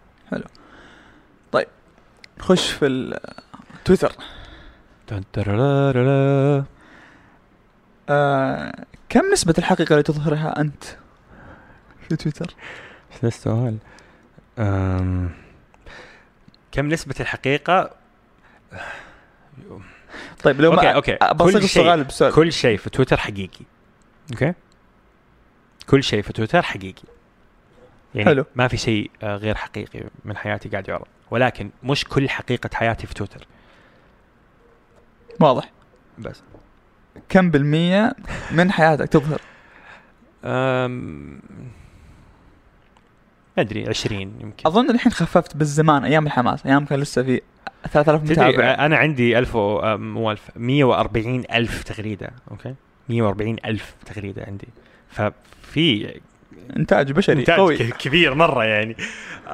فأيوة من زمان كنت أتكلم كثير. كنت. كذا كانت كأنها مدونة شخصية عن حياتي. أقول أي شيء يصير في حياتي. برضو مو أي شيء يعني في أشياء ما كنت أقولها طبعا. بس يعني كنت أسولف كثير عن حياتي وعن يومي وعن كذا. أول ما بدأ يصير في متابعين كثير بطلت طبعا يعني. ليه؟ لأنه صار مادة عامة كذا. صار كأنه كن يعني تخيل أنا طالع في التلفزيون القناه السعودية الأولى قاعد أقول والله أنا زعلان من الجامعة والجامعة ولا زعلان من فلان ولا فلان ولا أنا آه، رحت أكلت همبرجر وأحس إنه طعمه لذيذ وكذا. ما ما ينفع لأنه صار عام كذا صار في ناس ما أعرفهم قاعدين يشوفوني. صار عدد كبير جدا من الناس. فتصير تحس إنه لا أنت الآن صرت مادة عامة وأي شيء تقوله ممكن يسوي سالفة. و... و... فما هو شخصي باختصار. ما هو آه ما... هو زي باث مثلا. باث كان شخصي. أنا ما عندي باث أصلا كان. بس يعني ما هو جروب واتساب حق عيال عمك. لا هو مكان أنت قاعد كأنك قاعد في مجلس. كذا مجلس في سبع 7000 واحد. ما حتتصرف زي ما انت قاعد في صالة فيها 15 واحد جميل طيب لو ما كان في تويتر شلون بتكون بيكون حاتم؟ ما ادري يعني شوف هو إيش فضل تويتر عليك؟ يعني شوف هو تويتر وهذا يعني شيء يصير عند كل الناس أنت تبدأ تصنع احتياجك مع استهلاكك يعني أنت لما لو ما كان في سيارة كان إيش سوينا؟ كان عادي كملنا على الخيول فأنت لما تتعود على السيارة فتصنع هذا القيمة لها. نفس تويتر لو ما كان في تويتر أكيد كان سويت شيء ثاني في حياتي يعني وكان عندي حياة مختلفة. أم الآن لو فجأة تشيل تويتر من حياتي حيصير عيد في حياتي لأن أنا؟ معتمد على تويتر في أشياء كثيرة في حياتي. بس لو ما كان في تويتر من البداية كان عادي ما في ما في مشكلة. فالآن عندي تويتر أم بتجيب العيد ولا بيكون في نقص؟ إنه أظن كونت أنت شيء معين في تويتر لو راح تويتر لسه علاقاتك تبقى موجودة اللي كانت في تويتر. إيوه إيوه في في شيء يعني أكيد بيبقى الحمد لله يعني يمكن تويتر حسابي تحديدا شخصي مرة يعني اللي يعرفني في تويتر عادي نطلع ونسولف مع بعض في الحياة الحقيقية. ما ماني شخص مختلف. ماني شخصية وهمية بعدين هنا شيء أو ماني مثلا قاعد أسوي نفسي شيء وأنا شيء ثاني. كل أحد قابلني في من وهو يعرفني في تويتر ما حس إنه أنا شخص ثاني. ولأني فعليا في تويتر أنا حاتم عادي طبيعي. فما حخسر الناس اللي يعرفون كذا ولا الناس اللي يعرفوني. لو قفل تويتر بكرة بكرة تويتر احذف حسابي. لسه في مدري كم ألف واحد يعرفني. ما ما حي ما حيصيروا ما يعرفوني لما فجاه تويتر يقفل. فأقدر أستخدم منصة أخرى وأستفيد من المعرفة هذه. بس تويتر صار يعني لي كثير. بقول شيء برضو ما أدري. شخصي شوي. بس يصير جزء من ذاتك. كيف؟ يصير جزء من هويتك. حاتم اللي في تويتر هذاك. إيوه يصير حاتم اللي في تويتر. مع إنه أنا مو حاتم اللي في تويتر. أنا حاتم وعندي حساب في تويتر. قاعد أكتب فيه أشياء. بس أنا حاتم. سلبي ولا إيجابي؟ إيوه. بس إنه بس حتى أنا حاتم تويتر صار جزء من هويتي. صار جزء من أنا مين. لأنه ما أقدر أتغاضى فكرة انه أدري إنه في ناس حيسمعوا هذا الكلام يحس إنه أوه هذول المشاهير تافهين وكذا بس ما تقدر تتغاضى عن كمية التفاعل اللي يصير في تويتر. كمية أنت إيش قاعد تسوي وكمية أنت إيش قاعد يصير لك وأنت كمية إيش قاعد تتواصل وإيش قاعد الناس تقول لك وإيش قاعد تقول الناس أنت إيش قاعد تبني هناك؟ في علاقات قاعد تبنى في وجود قاعد يبنى في محتوى قاعد يبنى في شخصية قاعدة تبنى في تفاعل. يعني أعتبر تويتر نادي مثلا نادي كذا نادي اجتماعي كنت أروحه كل يوم وأكتب فيه 140 وأقول فيه 140 ألف جملة ولي ست سنوات أروح وفي ناس يروحوا كمان ست سنوات كل يوم نتقابل لمدة خمس ساعات. ما حيصير هذا النادي جزء من هويتي. طبعا حيصير جزء من هويتي. بس إحنا نحس إيه تويتر في الجوال العادي ما هو في الجوال العادي حتى الناس اللي يتابعوا تويتر. أنا حاتم صرت جزء من هويتك صرت جزء من حياتك. يا اللي قاعد تتابعني من خمس سنين. ما تقدر تفصلني. أنا صرت صديق من أصدقائك بطريقة ما. أنت أنت كونت مشاعر تجاهي وكونت علاقة تجاهي وكونت وجود لي في حياتك. بشكل مرة جزئي يعني ماني أهم شيء في حياتك ولا ولا ولا أهم ولا من أهم خمسين شيء في حياتك. بس أنا موجود في حياتك قاعد أثر عليك. قاعد آه، أكون لي وجود حقيقي عندك. فتويتر لما أنت تكون زي زي اللي قاعد أسويه أنا قاعد اهتم فيه وقاعد ادخل كل يوم وقاعد أتواصل فيه تواصل حقيقي كل يوم وفي ناس تواصل معي تواصل كل يوم كذا يصير جزء من هويتي جزء من ذاتي الحين تويتر. طيب آه. تكلم والله في شغلتين جت في بالي. أول شغلة سالفة مقابلات الناس اللي تسويها. ما حتكلم عن موضوع الأمان لأنه يعني ما هو يعني الناس أطيب من الناس من ما يتوقع ما الناس. حيجي واحد يذبحني إيه. يقول لي يلا نتقابل نشرب قهوة بعدين يقتلني. بس الأصعب من هذا مثلا اللي أظن كثير من الناس يسألوه كيف كذا تقابل واحد غريب تبدأ معه؟ سالفة. طيب اولا أم أم اجين اللي ما يعرف أنا أسوي لقاءات غرباء كل فترة أقول هي يلا مين يبغى يشرب قهوة؟ أطلع أشرب قهوة مع شخص كذا راندوم من تويتر غالبا. آه، أسوي هذا الشيء لأني أحب آه، التواصل الاجتماعي. أحب يعني أحس إنه يمديك تقرأ كتاب ويمديك تقابل واحد غريب. نفس الشيء بل أفضل. تخيل أنك أنت رحت المكتبه سحبت كتاب وبدأت تقرأه ولا تروح المقهى تجلس مع شخص غريب وتسولف معه.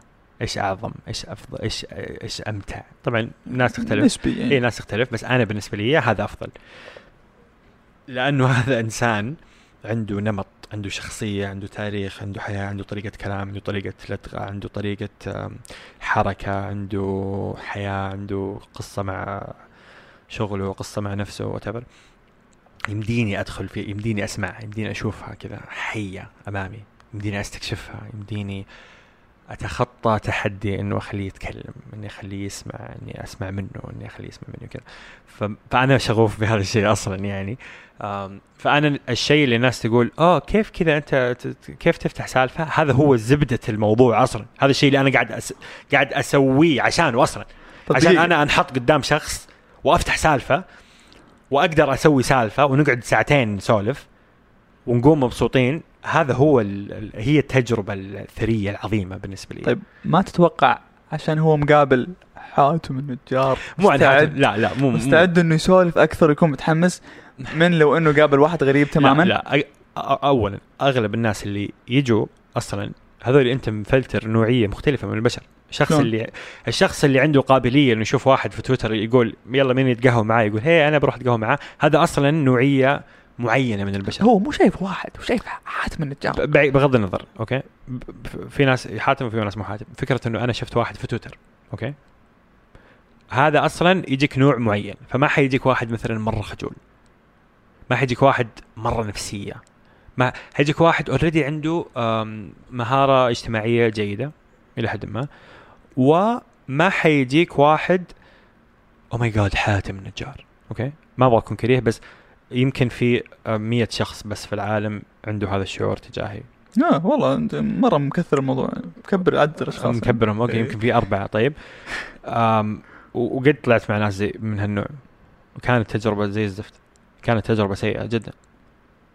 ليش؟ لأنه لأنه يطلع معاك ويبغاك يبغاك تصير الشيء تتجلى. اللي هو يحبه هذاك وانت انت من انت انت عادي انت طالع تتقهوى مع واحد وتسولف فهو يطالع فيك اللي. يعني أذكر هي صارت بس مرتين يمكن بس واحدة من المرات الطريقة اللي طلعت منها وأنا ما أطلع مع الناس عشان أستعرض مهاراتي أنا أطلع مع الناس عشان أتقهوى معك بالعكس أنا أحاول أسمع من الناس أكثر أحاول أخليه هو يسولف لأن أنا هذا اللي أبغى أسويه أصلا أبغى أبغى أحاول أخليه يتكلم كذا فما أقعد أنا أتفلسف عن أنا إيش أسوي وأنا مين وكذا. فهذا كان يبغاني أصير كذا يبغاني أسوي المسرحية اللي أسويها. ففي النهاية ما عرفت أسولف معاه آه حزر إيش سويت؟ قمت. سحبت الكرسي قلت السلام لا عليكم عيب. عيب. طلعت جوالي دخلت على حسابه في تويتر. قلت له يلا خلينا نشوف الناس اللي أنت متابعهم. وقول لي ليش تابعتهم. يلا أي شيء أي شيء أي. شيء. حرفيا ماني قادر أتكلم معاه كلام طبيعي في الحياة. فتصرفت بهال- بهالطريقة. جبت كذا طرف ثالث دخلته في الحوار. طلعت جوالي أنت متابع فلان؟ هم، إيش رأيك في فلان؟ ليش تابعته؟ إيش يسوي؟ ها إيوه ها ها ها. بس لين ما خلصنا الجلسة ومشيت. واو. كانت سيئة جدا. طيب على موضوع المتابعين. يا أخي في نموذج المشهور في تويتر اللي مرة يحب المتابعين وأنتم أحسن ناس في الحياة وأنتم أفضل ناس. بالمقابل صراحة في نموذج غريب هو مثلا زي آه، خالد خلاوي. ما عنده الفكرة هذه النغمة هذه مو موجودة بالعكس هو ود هيل يا إخوان؟ ودائما يقول إيش؟ بقعد أعلمكم أنتم أنتم جهلة. مش ما يقول أنتم جهلة أستغفر الله يعني هو- يجلدهم يعني. ولا يجلدهم بس أقصد إنه ما عنده هذاك الحب والتعظيم للمتابعين. طيب. إيش الظ... أنا صراحة يعني ما أحب الظاهرة هذه مرة لمتابعيني أنا وين- أحسن أنا ناس وين؟ في الحياة. أنت؟ أيوه. أنت لا على الجانب اللي يحب متابعين وكذا وي أوكي. أكثر شوي أوكي. آه... ليش؟ ليش كذا مرة متيمين بالمتابعين؟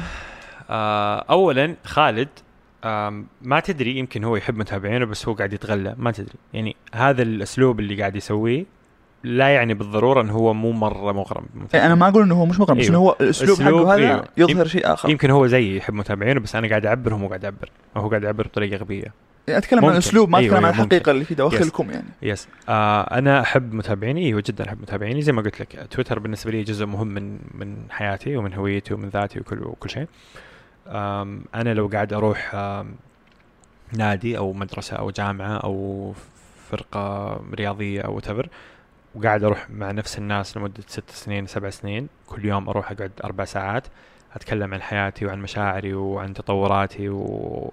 وهم يسمعوني وأسمعهم ويردوا علي. بالمناسبة 140 ألف تغريدة ليست تغريدة هي تغريدات و... وردود. وردود ومنشز ويمكن الردود أكثر.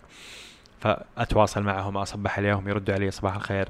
أقول لهم يوم الأحد مزينة تضبط يقولوا لي يقولوا لي قصصهم يرسلوا لي بالإيميل يرسلوا لي حياتهم يسألوني يستشيروني أستشيرهم في في علاقة إنسانية آه، وثيقة وعميقة وجميلة صارت بيني وبينهم فطبعا بحبهم يعني. يعني يعني تويتر ليس عالم افتراضي. تويتر هو عالم حقيقي في إنسان ماسك جوال قاعد يتواصل مع إنسان ثاني ماسك جوال عن طريق الجوال وعن طريق تويتر. بس في انسانين موجودين يعني. أنا لما أكتب تغريدة واحد يقراها يطلع لي آم آم في آم ستين ألف شخص قرأ تغريدة. هذا الرقم يعني في ستين ألف إنسان حقيقي قرأ التغريدة حقت الإنسان الحقيقي اللي كتبها اللي هو حاتم. ففي حاتم قال شيء في أذن ستين ألف إنسان حقيقي. فلما أحبهم ويحبوني ما هو شيء افتراضي وغريب. تخيل إني أنا قاعد كل يوم أجتمع مع الناس هذه كلها في كذا في غرفة ونقعد ست سنين نجتمع. أكيد بحبهم يعني. بس, فيا. بس لا أصبر. مشاعر الحب لازم يكون في آه، خلينا نقول آه، من طرفين. حلو؟ إيه في. بس أنت مو كل الستين ألف هذول يعني تحبهم. فعليا هم الناس اللي متفاعلين معك. إيوه بس يعني اجين نفس الشيء. تخيل إني أنا قاعد في جامعة وأروح في الجامعة أوقف على منبر وأسولف مع الناس ويتداخلوا معي. ما حقول إني أنا أحب بس اللي تداخلوا معي واللي ردوا. حقول أنا أحب الجمهور أنا أحب الغرفة الكبيرة هذه أنا أحب المجموعة هذه أحب طلاب الجامعة هذه. مجازا في النهاية. أيوه. آه. فأنا ما أحب كل واحد يتابعني ولا كل واحد يتابعني يحبني أصلا. في ناس في ناس يتابعوك وهم يكرهوك. كذا هو يكرهك وأنت مستفز بالنسبة له. خصوصا أنا. أنت يعني مستفز. كثير ناس يشوفوني مستفز ويتابعوني لهذا السبب. أنت مستفز كي يتابعني ويلعني في مخه كل مرة يقرأ تغريدة. المازوخية هذه غريبه في ناس كثير يسوي زي كذا. بعدين يجي في مرحلة كذا ويطق خلاص يقول أنا ليش متابعك أصلا؟ أنا لما تقول تغريدة مرة مستفزة بالنسبة له خلاص يفصل لما أكون قاعد في الليل كذا متكي وفاتح اللابتوب وقاعد أسولف عن عن ش- أصبعي المجروح كذا أي شيء غبي okay؟ يفصل. كذا أنا ليش تابعتك أصلا؟ خذ خذ unfollow وادخل الاقي فعلا سوالي unfollow يعني كان فعلا يبغى يسوي لي unfollow بس منتظر كذا شيء.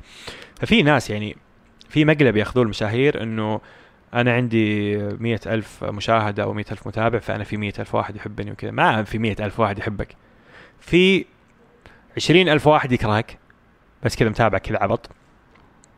في سبعين ألف واحد عادي متابعك لأنك عادي بالنسبة له.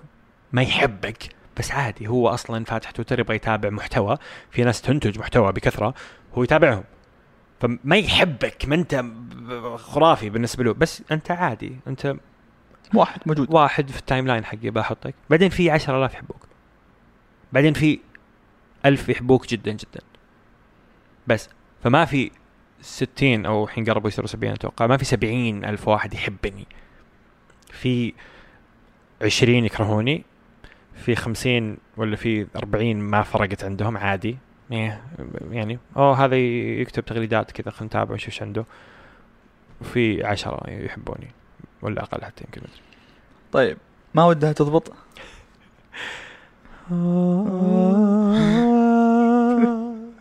كم لها الحين؟ ازعجت المتابعين ترى. لها ثلاث سنين ما ضبطت بس مصيرة والتغريدة؟ ثلاث سنين. أو تغريدة لا تغريدة أتوقع سنتين. سنتين ها؟ أتوقع بداية 2017 ما أذكر. نعم. إيه. طيب آه... أنت تفلسف واجد في تويتر. okay. okay حلو. من كم لك؟ 11 سنة؟ 11 من 2011 2012 11 تقريبا. آه، كل دي فلسفة حلو. دخلت في مواضيع إلى الليل. جميل. ليل يا ليل يا من وين؟ ليل. وش مصادرك؟ من وين تستقي ارائك معلوماتك؟ ليش تقرر إنك تكتب؟ متى تشوف الحاجة إنك تكتب؟ لك الحق إنك ما تجاوب. يعني أغلب الأشياء اللي أتفلسف فيها ما هي آراء آه، مبتكرة. يعني ما هو شيء ما هو رأي أنا اخترعته أو أنا كذا كتبت مقالة قاعد أحاول أكتشف البعد بعد جديد لموضوع معين.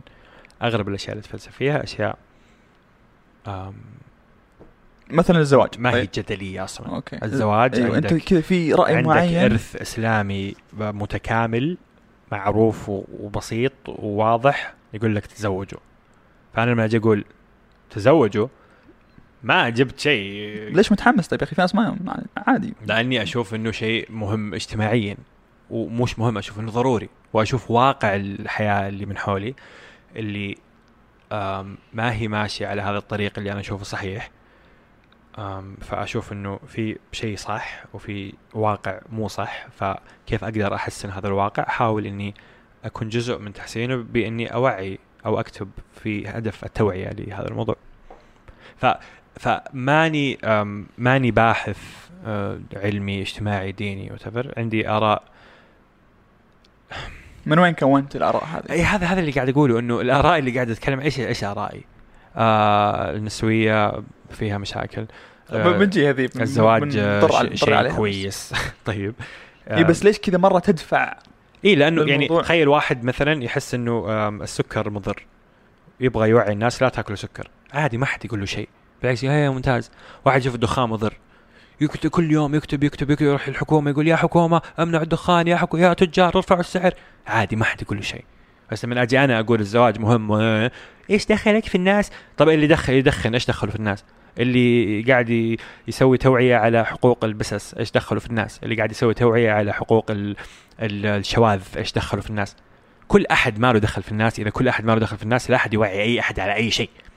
الحين ال- الشواذ والمسيرات التضامن اللي قاعد تصير في أمريكا وفي العالم كله الحين بدأت تجينا للأسف ما هم شواذ كلهم بالعكس 99% منهم ناس عاديين أوكي أم أم يبغوا يدعموا هذا الحق حق الأقلية هذيك طب إيش دخلكم أنتم في هذه الأقلية؟ ليش أنت تروح تدعم ناس أنت ما أنت منهم بس أنا ما أقدر أدعم ناس أنا من منهم؟ فاستهبال فآرائي اللي قاعد أكتبها ماني ما جبت ماني مجدد وكذا ما جبت أي شيء جديد كلها أشياء. كاني أقول لا تدخن. كأن كذا. الدخان خطأ في ناس قاعد تدخن يا جماعة لا أحد يدخن. لا بس يعني مش كلها كانت حقائق. بعض الأحيان أنت تدخل آرائك شخصيه حقت حاتم ما يعني إي أكيد أكيد في آراء شخصية بس اجين كلها مبنية على على إرث علمي اجتماعي ديني قديم يعني. يعني ما ما ما تجيب أي شيء حتى الأشياء الدينية اللي كتبتها. إيش في تغريدات دينية اشتهرت عندي؟ آه ترحم. أوه لا تترحموا على الكافر ما يجوز. يعني آه واحد آه طالب شريعة في ال- في تحضيري يعرف هذا الشيء. فأنا ما جبت آه، شيء جديد دينيا وكذا وجبت بحث بحث كذا ما حد فاهم ورحت سويت فكرة جديدة. جبت شيء مرة مرة معروف. بس الوضع الحالي سيء لدرجة إنه كلامي المعروف هذا يصير كأنه أوه هذا رائع مرة. لأنه الوضع الحالي سيء جدا يعني. بس فكر في أي تغريدة كتبتها وانتشرت خصوصا الدينية. والاجتماعية ما في ولا رأي فيهم فنان ما في ولا رأي فيهم صدر من باحث ديني اجتماعي جاب الفكرة الفنان هذيك. كلها زي كذا. لا تترحموا الأسرة مهمة الزواج مهم آه إنك تقول الرجال زبالة شيء سيء الهجوم على الرجال شيء سيء الهجوم على البنات شيء سيء والمشاكل هذيك الثانية اللي أكتبها وتنتشر. ال ال آه الله موجود. الدين كويس الإلحاد مو كويس. ما في شيء أنا قاعد أخترعه. كلها أشياء بسيطة جدا. بس يمكن عندي أسلوب بسيط أتكلم بلغة بسيطة. الناس اللي عندهم علم حقيقي في الاجتماع والحياة والشرع وكذا ما يقدروا يتكلموا هذا بهذه اللغة للناس. عشان كذا أنا تنتشر محاولاتي هذه وهم ما تنتشر محاولاتهم مع إن هم أهل هذا الموضوع وهم العلماء فيه. بس ما يقدر يجي واحد دكتوراه في الشريعة ويتكلم باللغة ال- ال- الهبلة اللي أنا أتكلم فيها. اللغة العادية السهلة البسيطة اللي أقعد كذا آه في فكرة كذا قوية جوا بس في كذا تغريدات كذا طيب بما ما إنك في شيء يعني. بما إنك مرة متحمس للزواج يعني. وش, وش منتظر يا أبو؟ واضح السؤال واضح السؤال. طيب آه أوكي والله صجيت الناس يا أخي. صح. هذا السؤال دائما يجيني وسؤال مشروع جدا. يعني إذا أنا قاعد أقول الناس تزوجوا تزوجوا تزوجوا طيب أنا مو متزوج يعني إيش العبط يعني؟ وما أحب أتكلم عن الموضوع لأنه شخصي جدا بس لك الحق في عدم الإجابة. أوكي طيب آه أنا قاعد أدعم الزواج وأبغى كل أحد يتزوج وكذا. وترى تويتر أقل شيء قاعد أتكلم فيه عن الزواج. أنا قاعد أتكلم في الزواج في محيطي الحقيقي أكثر بكثير. الشباب والناس اللي يراسلوني بالإيميل الناس اللي يجلسوا معي في الحياة الحقيقية الناس اللي يستشيروني في أي شيء الشباب الوتبر هذه الاشياء أ- أدفهم على الزواج بشكل مو طبيعي والحمد لله كثير ناس تزوجوا بسبب كذا كم جلسة لحست مخهم فيها. ف فأنا مرة مهتم في موضوع الزواج لأنه أنا أشوف إنه هو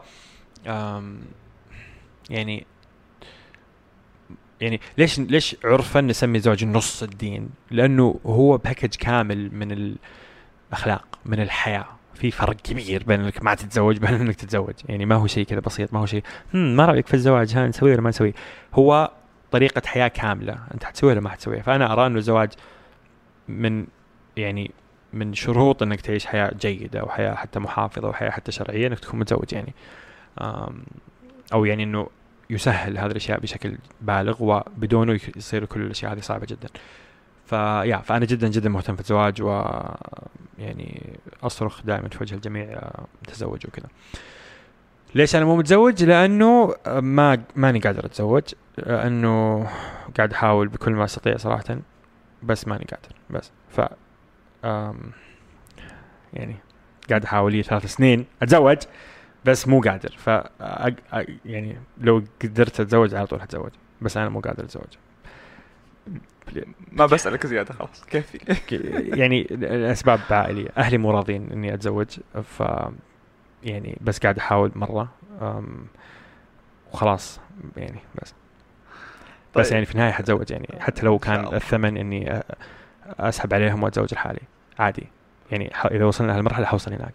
أوكي أهلي ما تبغون اتزوج شكرا يعطيكم العافية. على عيني وراسي أنا اراح أتزوج لحالي أروح أتزوج لحالي. إن شاء الله لهالدرجة أنا إن شاء الله ما تصير يعني. يعني إن شاء الله ما توصل للدرجة. غالبا حتوصل يعني بس يعني. بس إيوه لهالدرجة أنا أنا حأتزوج إن شاء الله. آه خلينا نرجع تويتر شوي. نبعد نبعد. كيف؟ عرفت؟ ما ودي إنك تجيب لي زيادة. آه ما أبغى أدخل مواضيع النسوية والخرابيط هذه بس إيش المكون الأساسي الوحيد اللي يخليك ترفض النسوية؟ كذا مكون واحد فقط. إنه هو منظومة أخلاقية غير جيدة غير متسقة مع المنظومة الأخلاقية اللي إحنا مختارينها. بس. جميل جميل. فما يمديك تكون نسوي 100% ومسلم 100% ما يمديك تنسوي 100% و- و- و- وخلوق بالأخلاق الإسلامية 100% بس. المرجعية في النهاية المرجعية مختلفة. مختلفة تماما. يمديك تكون آه، ملحد بس ما يمديك تكون ملحد ومسلم. يمديك تكون آه، ليبرالي بس ما يمديك تكون ليبرالي ومحافظ. يمديك تكون يساري بس ما يمديك تكون يساري ويميني. ما ما يمديك. ما يمديك تكون نسوي 100% وتكون مسلم 100% جزئي جزئي ما يمديك. جزء جزء حيتعارضوا في النهاية. يعني تعال حلها أنا نسوية بس ال- الإسلام يقول الورث كذا. يلا حلها تعال أنا نسوية بس الإسلام يقول الزواج من نفس الجنس حرام. ما يمديك. وكل أحد يقول أنا نسوي ويقول إيوه أنا كذا وكذا ما يعرف إيش يعني نسوي أصلا. ما يعرف إيش يعني نسوي. كيف نسوي بس ممنوع البنت تتزوج بنت؟ يقول لك لا عشان هو حرام. طيب حرام يعني إسلامي يعني بنت نسوي؟ تبغى تكون نسوي 100% فلازم إنك تقبل زواج من نفس الجنس. لازم إنك تقبل إنه ما في شيء اسمه الورث مختلف القوامة مختلفة الأسرة مختلفة. الأسرة موجودة أصلا الإنجاب مختلف كل شيء مختلف. فما يمديك تكون أنت الاثنين لازم تكون واحد منهم. جميل. آه. عشان كذا ترى النسويات يتهاوشوا بينهم وبين بعض. لأنه النسويات إيش يقولوا؟ يقولوا النسوية هي إنه المرأة تقرر. تقرر إيش؟ كذا تقرر المرأة الرجال ما له دخل. طيب في مرأة قررت أنها تكون هي عبدة للذكر لا لازم نحارب هذا الاستعباد ولازم نجيب هذه النسوية اللي هي قررت تصير عبدة للذكر ون- ونوعيها. لازم نغير مخها. لازم نروح عندها ونقول لها لا لا لا خطأ خطأ خطأ. طيب يعني مو على كيفها. يعني في في منظومة معينة لازم تصير. شوف النسويات كيف يتضاربوا لما نيجي مو- على موضوع الإجهاض. المرأة تقرر المرأة تقرر. طيب المرأة تقرر في إنسان في بطن المرأة ينفع تقتله عشان جسمها؟ النسويات حتى في أمريكا في كل مكان ما ما ما هم قادرين يوصلوا لشيء. يجيك واحد يقول لك أنا هذا جسم المرأة وهي حق لها تسوي اللي تبغاه الرجال ما له دخل. طيب الرجال ما له دخل. أوكي الرجال ما له دخل. في إنسان في بطنك عادي تقتليه؟ في نسويات يقولوا إيوه عادي لأنه في بطني. حتى لو قبل الولادة بيومين عادي أقتله. في عيادات الحين في أمريكا في الولايات حتى صار كثير منها صار مسموح. في نسويات يقولوا لا ما ينفع لأنه هذا مو مو أنت مو على كيفك. بيقول آه أصلا بس هذا يدعم منظومة الأسرة ومنظومه البترياركي الأبوي. ما ما حد فاهم. في نسويات يقول لك النقاب يطمس هوية المرأة لذا يجب علينا محاربة النقاب. وهذا عندنا في السعودية صاير في النسويات السعوديات. يجيك نسوية ثانية تقول لك لا النقاب هو خيار للمرأة يحق لها أن تختاره. وما له دخل في الهوية هي يمديها تختار إنها تتنقب إذا كانت متنقبه برضاها فهذا شيء آه، متسق مع النسوية. لأنه بخيار المرأة. تجيك نسوي ثاني تقول لها لا ما في شيء اسمه بخيار المرأة إنك تطمس هوية المرأة. وهذا أصلا الخيار ليس خيار حقيقي هو خيار من ترسبات النظام الإسلامي الظالم الأبوي الذي يريد أن يطمس هوية المرأة. فما عندهم منظومة واضحة ما يدروا هم إيش حلو. بالضبط. لذلك قاعدين يعني هم يتهاوشوا داخليا ما بينهم. يعني. آه ولذلك أنا ما أحب النسوية. في لحظات في تويتر ندمت عليها. إي طبعا طبعا يعني في أخطاء صارت وفي أخطاء كانت مكلفة وكذا. كيف؟ يعني 140 ألف تغريدة حكون ملك لو ما غلطت يعني. آه مش كيف في ندم؟ حسن في والله في العيد. في ندم في ندم. آم في ندم على سالفة ال- القرآن أذكر. الراديو. الراديو إيوه. كنت آم طيب سو باختصار شوف واحد من الأشياء ال- اللي تكون في مخك إنك لا تقول أنا مشهور أنا مركز الكون إنك لما تقول سالفة لازم تشرحها لأنك ما أنت مركز الكون كل أحد عارف سوالفك يعني فسالفة القرآن إنه كتبت في كم 2016 يمكن أطالب إيش كانت التغريده؟ أطالب بإقفال جميع محطات الراديو اللي تبث القرآن الكريم لأنها أكثر ما يمتهن القرآن الكريم بها وحسبي الله ونعم الوكيل. أوف. هذه تغريدة بوف. بعدين بعد التغريدة كتبت 20 تغريدة أشرح فكرتي. 20 تغريدة كانت تقول القرآن كلام الله ويجب الإنصات وإحنا قاعدين نشغل الراديو ما ننصت وإحنا كذا مو قاعدين نحترم القرآن ولازم نجر كتاب الله ولازم نجر القرآن ولازم إذا سمع القرآن فاستمعوا له وأنصتوا حتى هي تقترب من الواجب يعني إلى حد الندب إنه ما ينفع نشغله كذا بس نقعد نسولف ما ينفع نشغله في المولات وإحنا قاعدين نتسوق ما ينفع نشغله الصباح كمعزز للمزاج الصباحي وكذا. فالفكرة كانت جيدة إنه أيها الناس أنصتوا للقرآن إذا اشتغل. وكانت عن غيرة يعني كانت تشدد في المطوعة. أوكي؟ بس جبت العيد. بس أسلوبي كان سيء جدا كان انفعالي. ما أحد بعد ما تكتب تغريدة واحدة تقول اقفلوا هذا ما حد حيفكر ما حد حيعطيك فرصة تشرح ما حد حيعطيك أي شيء. فجاء واحد هامور حسبي الله عليه صور التغريدة هذه ونشرها وقال شكلي إذا كنت بصير ليبرالي وما عرفت كيف. أحد اتهمك بالإلحاد؟ إي كثير طبعا. مرة مرة كثير اتهموني بالإلحاد والكفر وكل شيء. أوف. إي. فاللي صار إنه التغريدة هذه بدأت تنتشر تعرف الهوامير كلهم يأخذوا من بعض فكل واحد صار يأخذ الصورة ويكتب عليها تعليق مختلف. بس اللي صار إنه انتشرت الصورة على إني ليبرالي على إني أنا من أعداء الدين. مع إنه لو قرأت التغريدات حتقول okay هذا غبي. يعني شفت ال ال ال ال المتدين اللي يقول لازم نمنع الاختلاط في الحرم؟ هذا متطرف بس متطرف باتجاه التدين مش متطرف باتجاه الانحلال. مش ليبرالي هذا متشدد دينيا okay؟ فأنا آه، التغريدة كلها أخرجت من سياقها وصارت كأني ليبرالي إني أنا ليبرالي أبغى أقفل القنوات مع إني أنا لا هو تشدد بس تشدد عكس الليبرالية تماما أنا كأني أقول ما نبغى اختلاط في الحرم okay؟ بس خلاص لما أنت تصادم وتبدأ كلامك كذا كذا بقنبلة ما حد يعطيك فرصة خصوصا لما يصير كابتشر وتخرج من سياقها وما حد أصلا حيقعد يفكر مرة ثانية. وخصوصا لما يجي هامور يعني يعنون تغريدتك بعنوان معين الناس ما تفكر.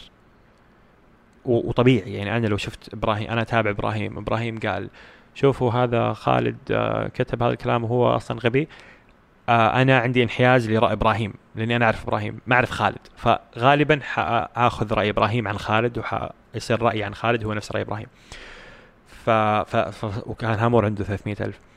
وكل هوامير الرياض تقريبا وكذا كلهم إلى دايري إلى الملحم إلى ياسر الشمري إلى مدري مين أنس مدري إيش كل الشلة هذه كلهم كلهم كتبوا عني في ذيك الفترة. وبدا يطلعوا لي تغريدات قديمة وكذا وتربط في هذا السياق وكذا. فصار في سمعة عني اني أنا ليبرالي عدو الدين ما أفهم غبي أدور attention مدري إيش. آه حطت صوري على صور حمير صارت تتسوى كذا نكت كان في حساب اسمه جماعة غرد الحمير صار كل شوي يحط لي تغريدات فيه. آه ناس تقول لي أنت كافر تقول لي أنت ملحد ناس تدعي علي بالسرطان وبالموت ومدري إيش. آه شلون تتعامل مع كل التنمر هذا؟ كان كان تجربتي الأولى كان يعني كان كنت كان يجيني تنمر قبلها بس هذا كان level مختلف صراحة. كان يعني بالالاف بالالاف بالالاف بالآلاف. يعني صار صار تعرف في تويتر لما فجأة أحد يقول شيء بعدين تنتشر بعدين يصير هو السالفة؟ بعدين فجأة يجي أحد يطقطق عليه بدون ما يقول اسمه بس كل أحد فاهم إنه قاعد يطقطق عليه هذاك أصلا. صرت هذا لفتره معينة. ففجأة واحد يعني حتى أذكر واحد كان واحد يقول آه واحد معنا في الاستراحة قاعد يقول إنه ما في شيء اسمه حد آه، رجم بعدين رحت حسابه لقيته يتابع حاتم النجار. كذا اللي أنا مالي دخل في السالفة بس خلاص صار صرت في ذيك الفترة الشخص الليبرالي الغبي اللي, ما اللي عدو الدين. فأي سالفة يدخلون فيها. كنت كاتب تغريدات عن الموسيقى وكنت أقول إنه أنا أعزف بيانو وأقول لكم إنه الموسيقى مجرد فن تعبيري زي الرسم فارحمونا يا اللي قاعدين تقولوا الموسيقى. هي غذاء الروح ولا نريد الأديان نريد الموسيقى ولا نريد الحكومات نريد الموسيقى وكذا. فكنت كاتب تغريد تغريدات طويلة أقول إنه ترى الموسيقى لا راحت ولا جت هي مجرد فن تعبيري مثل الرسم مثل الكتابة مثل المسرح. ما تغير العالم لا توقف الحروب لا تستبدل الدين لا ما ما لامها أي فائدة في الحياة. هي فن تعبيري جميل بس حرام حلال مش مش موضوعنا حتى لو كانت حرام أو كانت حلال هي فقط تعبير انتهينا ما تسوي أي شيء في الحياة. ف... فكنت كاتب تغريدة في السلسلة هذه تهكمية كنت أقول أوه خلونا لما يجي يصير في حرب آه، نرد على اللي يحاربوا بال آه، بالكمنجه وخلي لما يجي واحد يسرق بيتك اعزف له معزوفة جميلة. وخلي لما يجي واحد مدري إيش يسوي فيك آه، ولدك تبغى تعلمه تروح تعلمه بدل ما تعلمه الحروف تعلمه النوتات الموسيقية. فكنت أتهكم على هذا الشيء. فجاء في هذيك الفترة أخذوا هذا التغريده لحالها وقالوا هذا حمار يبغانا لما نروح الحرب نعزف موسيقى عشان نوقف الحرب ولما نعلم أطفالنا بدل ما نعلمهم الكلمات نعلمهم النغم. فخلاص الجو جاهز إنه يستقبل إنك غبي. فما حد يفكر أصلا. والهوامير يبغوا retweet يروحوا ناس من المتابعين يقولوا لهم ترى مو قصده أقرأ التغريدات كاملة هو العكس تماما. ما. عادي هو جاء retweet كانت تجيهم بالآلاف retweet لأنه كانت نكت مضحكة يعني. أصلا عادي. فخلاص هو عادي عادي يعرف إنه اتهامه كان باطل بس جاب جاب ريتويت فما يهمه يعني. اي بس بس كيف أنت تتعامل معه؟ يعني هل كان يأثر إيوه على يومك نفسيتك؟ كان كان كان سيء جدا كان سيء جدا. كانت أول تجربة تنمر جماعي أمر فيها في 2016 تقريبا. أول شيء آه ما تقدر تقوم. وهذا شيء غريب. أغلب المشاهير اللي اعرفهم مرة في التجربة سووا نفس الشيء. ما تقدر تقوم. مع إنه القرار المنطقي يقول أنت عارف إنك حتفتح تويتر تلاقي ناس تسبك لا تفتح تويتر. القرار الواقعي يقول افتح تويتر وأقعد تجرع السم وتجرع الألم وتجرع الشعور الزبالة اللي ليش؟ يجيك. ما أعرف. يجيك تجيك رغبة بأنك ما تبغى تطلع. تبغى تقرأ الكلام ولا بس تبغى تخش تويتر؟ تبغى تقرأ الكلام. تبغى ت... هو أنت حتخش تويتر المنشن حقك زائد 100 كل خمس دقائق. تبغى تشوف تروح تبحث باسمك وتشوف ناس كاتبه عنك حتى ما مشيتك وهذا شيء غريب ما أدري ليش يصير بس أكثر الناس اللي أعرفهم مشاهير مروا بهالتجربة سووا نفس الشيء. المفروض إنك تقفل وخلاص بس ما تقفل تقعد تشوف تشوف تشوف. يمكن آه، كذا يغذي شيء كذا. ما أعرف ما أعرف. اهتمام داخلي غريب. تحس إنك يعني الناس قاعد يتكلمون يعني عنك. أنا أنا ماني ماني انفعالي يعني ما قعدت كذا أبكي وكذا وكل شيء. بس آه ولأني أصلا انسان ما أبكي أصلا. يعني لو لو, لو أنا إنسان لما أزعل أبكي كان كان قعدت أبكي طول الليل. بس كذا شعور الفتور في الحياة كذا شعور السواد. يعني تجربة سيئة جدا. ما هي ما هي ما هي سهلة يعني. ما هي سهلة مهما كنت مهما كبرت مهما جربت مهما ما هي سهلة ابدا. تقعد كذا يجيك كذا ألم في أعمق مكان في قلبك بشكل هادئ كذا جدا وعميق ومؤلم كذا. شعور سيء. وشعور ما في أحد جربه في التاريخ. ما في ولا إنسان في التاريخ كان يمديه يقعد في مكان ويتلقى شتائم من عشرين ألف شخص في نفس اليوم. أنبياء يعني خلينا نقول أقرب مثال. أنبياء كم واحد حيسبوا في اليوم؟ عشرين. حتى الأنبياء أكثر ناس عانوا في الحياة. كم واحد حيسبوا في اليوم؟ مية. ما في ما في في التاريخ أحد. آم آه الكم؟ إي الكم والنوعية. النوعية حتى أنت في الحياة الاجتماعية مهما يعني أنا لو هذول الناس اللي سبوني لو شافوني في المول ما حيسبني حتى وهو عنده رأي سيء عني ما حيجي يسبني كذا. بس هو عنده. قدرة من ورا الشاشه بس هو قاعد في البيت قاعد يكتب لجمهوره ويسبني وجمهوره حيضحك له يسوي retweet فحيسبني بالراحة عادي. حيحط وجهي على على حمار. وحيقول آه ويضحك علي حي كذا حي حي حيحط آه مظهري اللي هو جزء من هويتي وكياني حيحطه على حمار. هذا السلوك ما يقدر يسويه في الحياة الحقيقية. مستحيل يسويه قدامي أصلا ولا قدام أي أحد يعني. ف بس ال social media تعطيك هذا النزعة إنك تبغى تصير آه آم، شرير. لأنه يمديك لأنه ما في العبء الاجتماعي حق اللي يقول لك ما يمديك تسب واحد واقف قدامك أو صعب صعب جدا. زائد إنه عندك جمهور. جمهورك حيصفق لك مهما سويت. أي شيء تسويه الناس اللي تحبك حد غالبا يعني خصوصا لو كان في زي الصراع. وتشوف دائما الهوامير يتهاوشوا كل واحد يجيب جيشه. فهذا يطقطق عليك وهذا يطقطق عليك كل واحد جاي جمهور ويتهاوشوا معك. ما, أبغى أجادلك بس يعني على موضوع الأنبياء إنهم كانوا على الأقل يعني أنت تقول في الحالة الحقيقية ما حي مثلا يشتموك هم كانوا يعني ما اقارن يعني إيه، الأنبياء إيه. تجرعوا الاذى وال وال والضرب والعقاب والسجن والشتم والقتل حتى إلى. والقتل والأذى النفسي ووصموا بالجنون وبالسحر وبالشعوذة وكل شيء. ما ما أبغى أقارن بين هذه وهذه بس إنه هذه تجربة مختلفة. ما مش بالضرورة أسوأ أو أقل سوءا أو أكثر سوءا بس مختلفة. وبعيدا عن الأنبياء وكذا الناس الطبيعيين أنا حاتم لو كنت عايش قبل 200 سنة وأنا مجرد إنسان طبيعي عندي شغل طبيعي عندي أشياء طبيعية في الحياة لاني ملك ولا عائلة ملكية ولا نبي ولا شيء. ما ما عمري ح ح- حاعيش تجربة اجتماعية سيئة أكثر من إني قاعد في المدرسة وفي خمسة أشخاص ما يحبوني وجو ضربوني ومشيوا حروح بعد سنة أطلع من المدرسة. و- تقصد في ناس كثير طبيعيين صاروا يتعرضوا إيه أنا مين؟ أنا. حاتم أنا مين؟ أنا مين؟ أنا يعني شيل تويتر. أنا إنسان طبيعي ماني من عائلة ملكية ماني من عائلة ثرية ماني آه عالم ماني آه شاعر معروف أقول حيجي ناس يصطفوا ليستمعوا إلى شعري ماني ولا شيء. أنا إنسان طبيعي افريج عائلتي آم متوسطة آم آم آه، يعني درجتي الاجتماعية عادية. okay؟ يعني قبل مئة سنة الملوك العوائل الملكية أثرياء جدا هذولي لهم هذا ال exposure في ناس كثير تسمعهم وتعرفهم وتتواصل معهم. أنا عادي إنسان طبيعي. صار عندي حساب في تويتر. صرت عندي أكثر من أي ملك في التاريخ. تخيل لوثر كينج لما يجمع الحشود ويتكلم ويلقي خطابه الشهير وكذا. الملوك لما يجيبوا الحشود ويتكلموا. هذا أنا قاعد أسويه وأنا متكي في البيت. عندي جوال قاعد أثر في الحشود قاعد أكتب كلمة توصل 500 ألف واحد ولا أحيانا مليون واحد أحيانا أكثر. وقاعدين يردوا علي 3000 واحد في اليوم. هذه تجربة ما كانت عند أي أحد في التاريخ إلا واحد في المية سنة. فهذه صارت عندي أنا وعند خالد وعند نورة وعند سارة وعند واحدة اسمها سامية ما نعرفها لأنه هي حاطة اسم وهمي في تويتر. صارت عندهم التجارب الخرافية. ما أحد يعرف كيف يتعامل مع هذه الأشياء. لذلك أغلب الناس أول ما يجربوا هالتجربة خلاص ينسحبوا. صعب. وما ما ألومهم يعني مرة صعب. ولا بر وبرا كثير ناس ينتحروا. كثير كثير قصص ناس ينتحروا خصوصا الصغار في السن. يكون يلعب اونلاين ولا شيء ويجي واحد يطقطق عليه ما يقدر يتحمل. ولا يجي يمسك عليه صورة ولا يجي ولا في تويتر يجي تنمر جماعي ولا هذا ينتحر خلاص ما, ما يقدر. لأنه تجربة صعبة جدا خصوصا لما الإنسان يضع جزء كبير من نفسه في هذا المكان. خصوصا لما الإنسان يعني يعني آه تويتر هو جزء من كياني وجزء من شخصيتي وكل شيء وكذا بس ما هو جزء كبير جدا.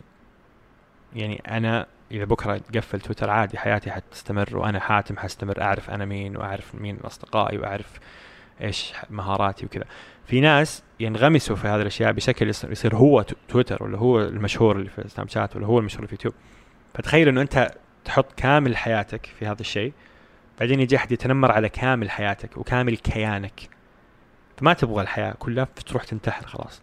طز في أم الدنيا هذه وخلاص انتهى فعلى حسب أنت قد إيش قاعد تحط هنا وعلى حسب قد إيش أنت قاعد تبعد عن هنا. يعني أنا بالنسبة لي مثلا يمكن في هذا اللقاء قلت أشياء شخصية ما قد قلتها في حياتي بس يعني بس في يعني تتابعني في تويتر تعرف كثير أشياء عني. بس ما تعرف أنا وين. ما تعرف مين أصدقائي. الحين في ناس أول مرة يسمعوا اسم إبراهيم أصلا. قاعدين يستغربوا أوه كيف إبراهيم يعرف عنه هذا؟ هو شكله صديق مقرب. ما حد يعرف هذه الأشياء. ما تعرف أنا إيش آكل كل يوم. ما تعرف أنا وين أطلع. ما أنا أسافر أسافر أسافر. ما أقول لأحد ما سافرت ما أقول ولا أي أحد. ما أصور ما. فعندي جزء كبير من وين أشتغل. ما حد يعرف وين أشتغل. الحين قلت أنا أشتغل في شركة استشارية وحطلع. ما حد يعرف إيش اسمها أصلا. ما حد يعرف جدة وين كنت أشتغل. حتى الحين سألتني وما جاوبت كذا عمدا. طيب ففي جانب كبير من حياتي مع إنك أنت تشوف إني أسولف أسولف أسولف بس ما يعرفوا ولما أقابل الناس دائما أتأكد من هذا الشيء. مين أنت؟ إيش إيش تدرس؟ الدراسة أحيانا أتكلم بس إيش تشتغل؟ وين كنت؟ وين رحت؟ وين جيت مين أصحابك؟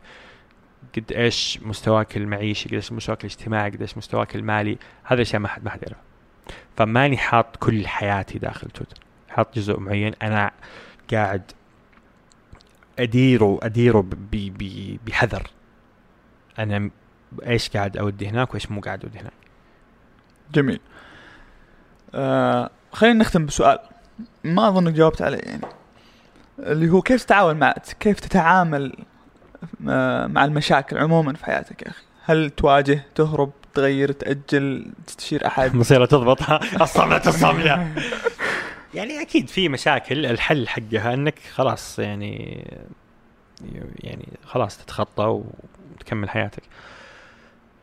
في أشياء لا في أشياء صملة الصملة تقعد لين ما تخلص. زي الزواج. ما بتستسلم؟ بقعد الين ما أتزوج. الشخص اللي أنا أبغاه. في مواضيع أنت ترتبها عاد بكيفك. في مواضيع خلاص تستمر الحياة. مثلا أنا غير مؤمن بالشهادة. وحانق على هذا النظام المؤسسي وما إيش. هل أنا مستعد إني عشان أنا غاضب على هذا النظام إني أخاطر إني أعيش بدون شهادة؟ لا ماني مستعد. لأنه مو موضوع مهم بالنسبة لي. عادي يمديني أروح أطلع شهادة بسيطة. بكالوريوس في النهاية. فأنا الحين لي أربع سنوات وخلاص حخلص إن شاء الله قريبا. حيصير عندي بكالوريوس. أدفع فلوس كل سمستر وأروح أختبر. صح إني ما أذاكر وكذا بس إني بس أختبر آه، طيب. هذا موضوع آخر. أيوه أيوه أختبر طيب. فعلى شيء أنا ماني مقتنع فيه. أنا مقتنع إنه هو المفروض ما يكون كذا. بس لأني عارف إنه الحياة كذا فخلاص تنازلت وسويت هذا الشيء أرغمت نفسي إني أسويه عشان أنا خلاص هذا الحياة كذا وخلاص. فأنا تنازلت عن هذا الموضوع وقاعد آم أتصرف تصرفات أنا غير مقتنع فيها. لأني مقتنع إنه هذا الواقع الحياة لازم أتنازل له. فما راح ما حقول الصملة الصملة حكمل بدون شهادة وحاثبت للعالم إنه الإنسان بدون شهادة يمديه يكون إنسان كويس يمديه يعيش. قاعد يشتغل الحمد لله قاعد يطلع فلوس الحمد لله بدون شهادة. الحين حاطلع شهادة بعد سنة إن شاء الله ولا بعد أقل يمكن. بس بدون ما أطلع شهادة حياتي ماشية الحمد لله كل شيء تمام أموري طيبة وقاعد أشتغل وقاعد أجيب فلوس والحمد لله في أشياء ثانية قاعد تمشي كذا. بس تنازلت وقاعد أطلع شهادة عشان خلاص ما أبغى. بس في أشياء ثانية؟ لا. صملة الصملة لين ما تضبط. وبتضبط. إن شاء الله يعني في النهاية. بتضبط يعني. ومو بس الزواج طبعا في أشياء كثير ثانية يعني. فأنت ترتب يعني بس مش صح إنك دائما تواجه ومش صح إنك دائما تتنازل. لواقع الأمر. تقول خلاص هذا واقع الشيء. مو راضي تضبط خلاص. والأسوأ إنك تغلفها بغلاف ديني كمان. تقول أوه صارت فهذا ربي يبغى لي كذا فخلاص أنا ما حادخل جامعة عشان ربي كتب لي ما أدخل جامعة. أو أوه أنا أبغى أنا مرة أحب أدخل هندسة بس ما انقبلت في الهندسة. أوه ربي يبغاني أدخل آه، بيطرة. يلا خلاص ربي يبغاني أدخل بيطرة. هذا بالنسبة لي اسوء شيء. إنك تقرر إيش ربنا يبغى من مخك صغير نتفه وتروح كذا تسلك لنفسك. جميل جميل جدا. آه، فريق شباك ممتن لك صراحة أي نعم، جدا. أنا والفريق كلنا ممتنين. والله لقاء جيد. إيه لا. والله ما توقعت بهالدرجة صراحة. ما توقعت. كم لنا. لنا ساعة ونص. جميل كويس يعني. إيه. ما وصلنا ساعتين. أي أي شخص كمل هذا اللقاء آه. أنت صديقي. أنا ما له علاقة آه بالبوسه محاور جيد والله. والله؟ اي جميل. سمعت خير يجي يقولوا لي إيه أصلا إبراهيم أحسن منك. خلاص اصير معك فريق شباك والله عليهم. تو جايني mention في شباك يقول آه آه على يعني على واحدة من الحلقات مع سلمان عمراني. يقول آه لقاء جميل وملهم وكل شيء ورائع بس تمنيت إن المقدم كان شخص آخر بس لقاء غير عظيم. غير حاتم. إي فهو عظيم بسبب بس سلمان بس أنا يعني لو إنه جاء واحد ثاني كان جزء من التنمر اللي لازم يجيك يعني. إي وهذا هذا مو تنمر هذا تعبير عن الراي إي تعبير هذا ما- أخذها ك هذا أعداء نجاح. إنسان ما عجبه المقدم قاعد أيوه أنا قاعد ينتقد موظف آه، قناة إيه، شباك مو قاعد حاتم النجار يعني. إيه، مش مش رئيس القناه قاعد ينتقد مقدم البرنامج صح نعم في ثاني مع اني بلغت فريق التسويق إنه أي شيء آه، ما يعجبني لا يوصلوا لي عن طريق بس السوشيال ما. زالوا إيه، عادي. جزء من الشفافية اي بطرده في النهاية الموظف هذا وخلاص جميل جميل جدا شكرا يا أستاذ حاتم على. وقتك أتمنى إني ما اندم على بعض المعلومات اللي شاركتها هنا بس آه، والله هو كان اختيارك. أنا قلت لك لك الحق أنك ما تجاوب ولكن يعني كله كان جزء من اختيارك. شكرا. هلا وسهلا.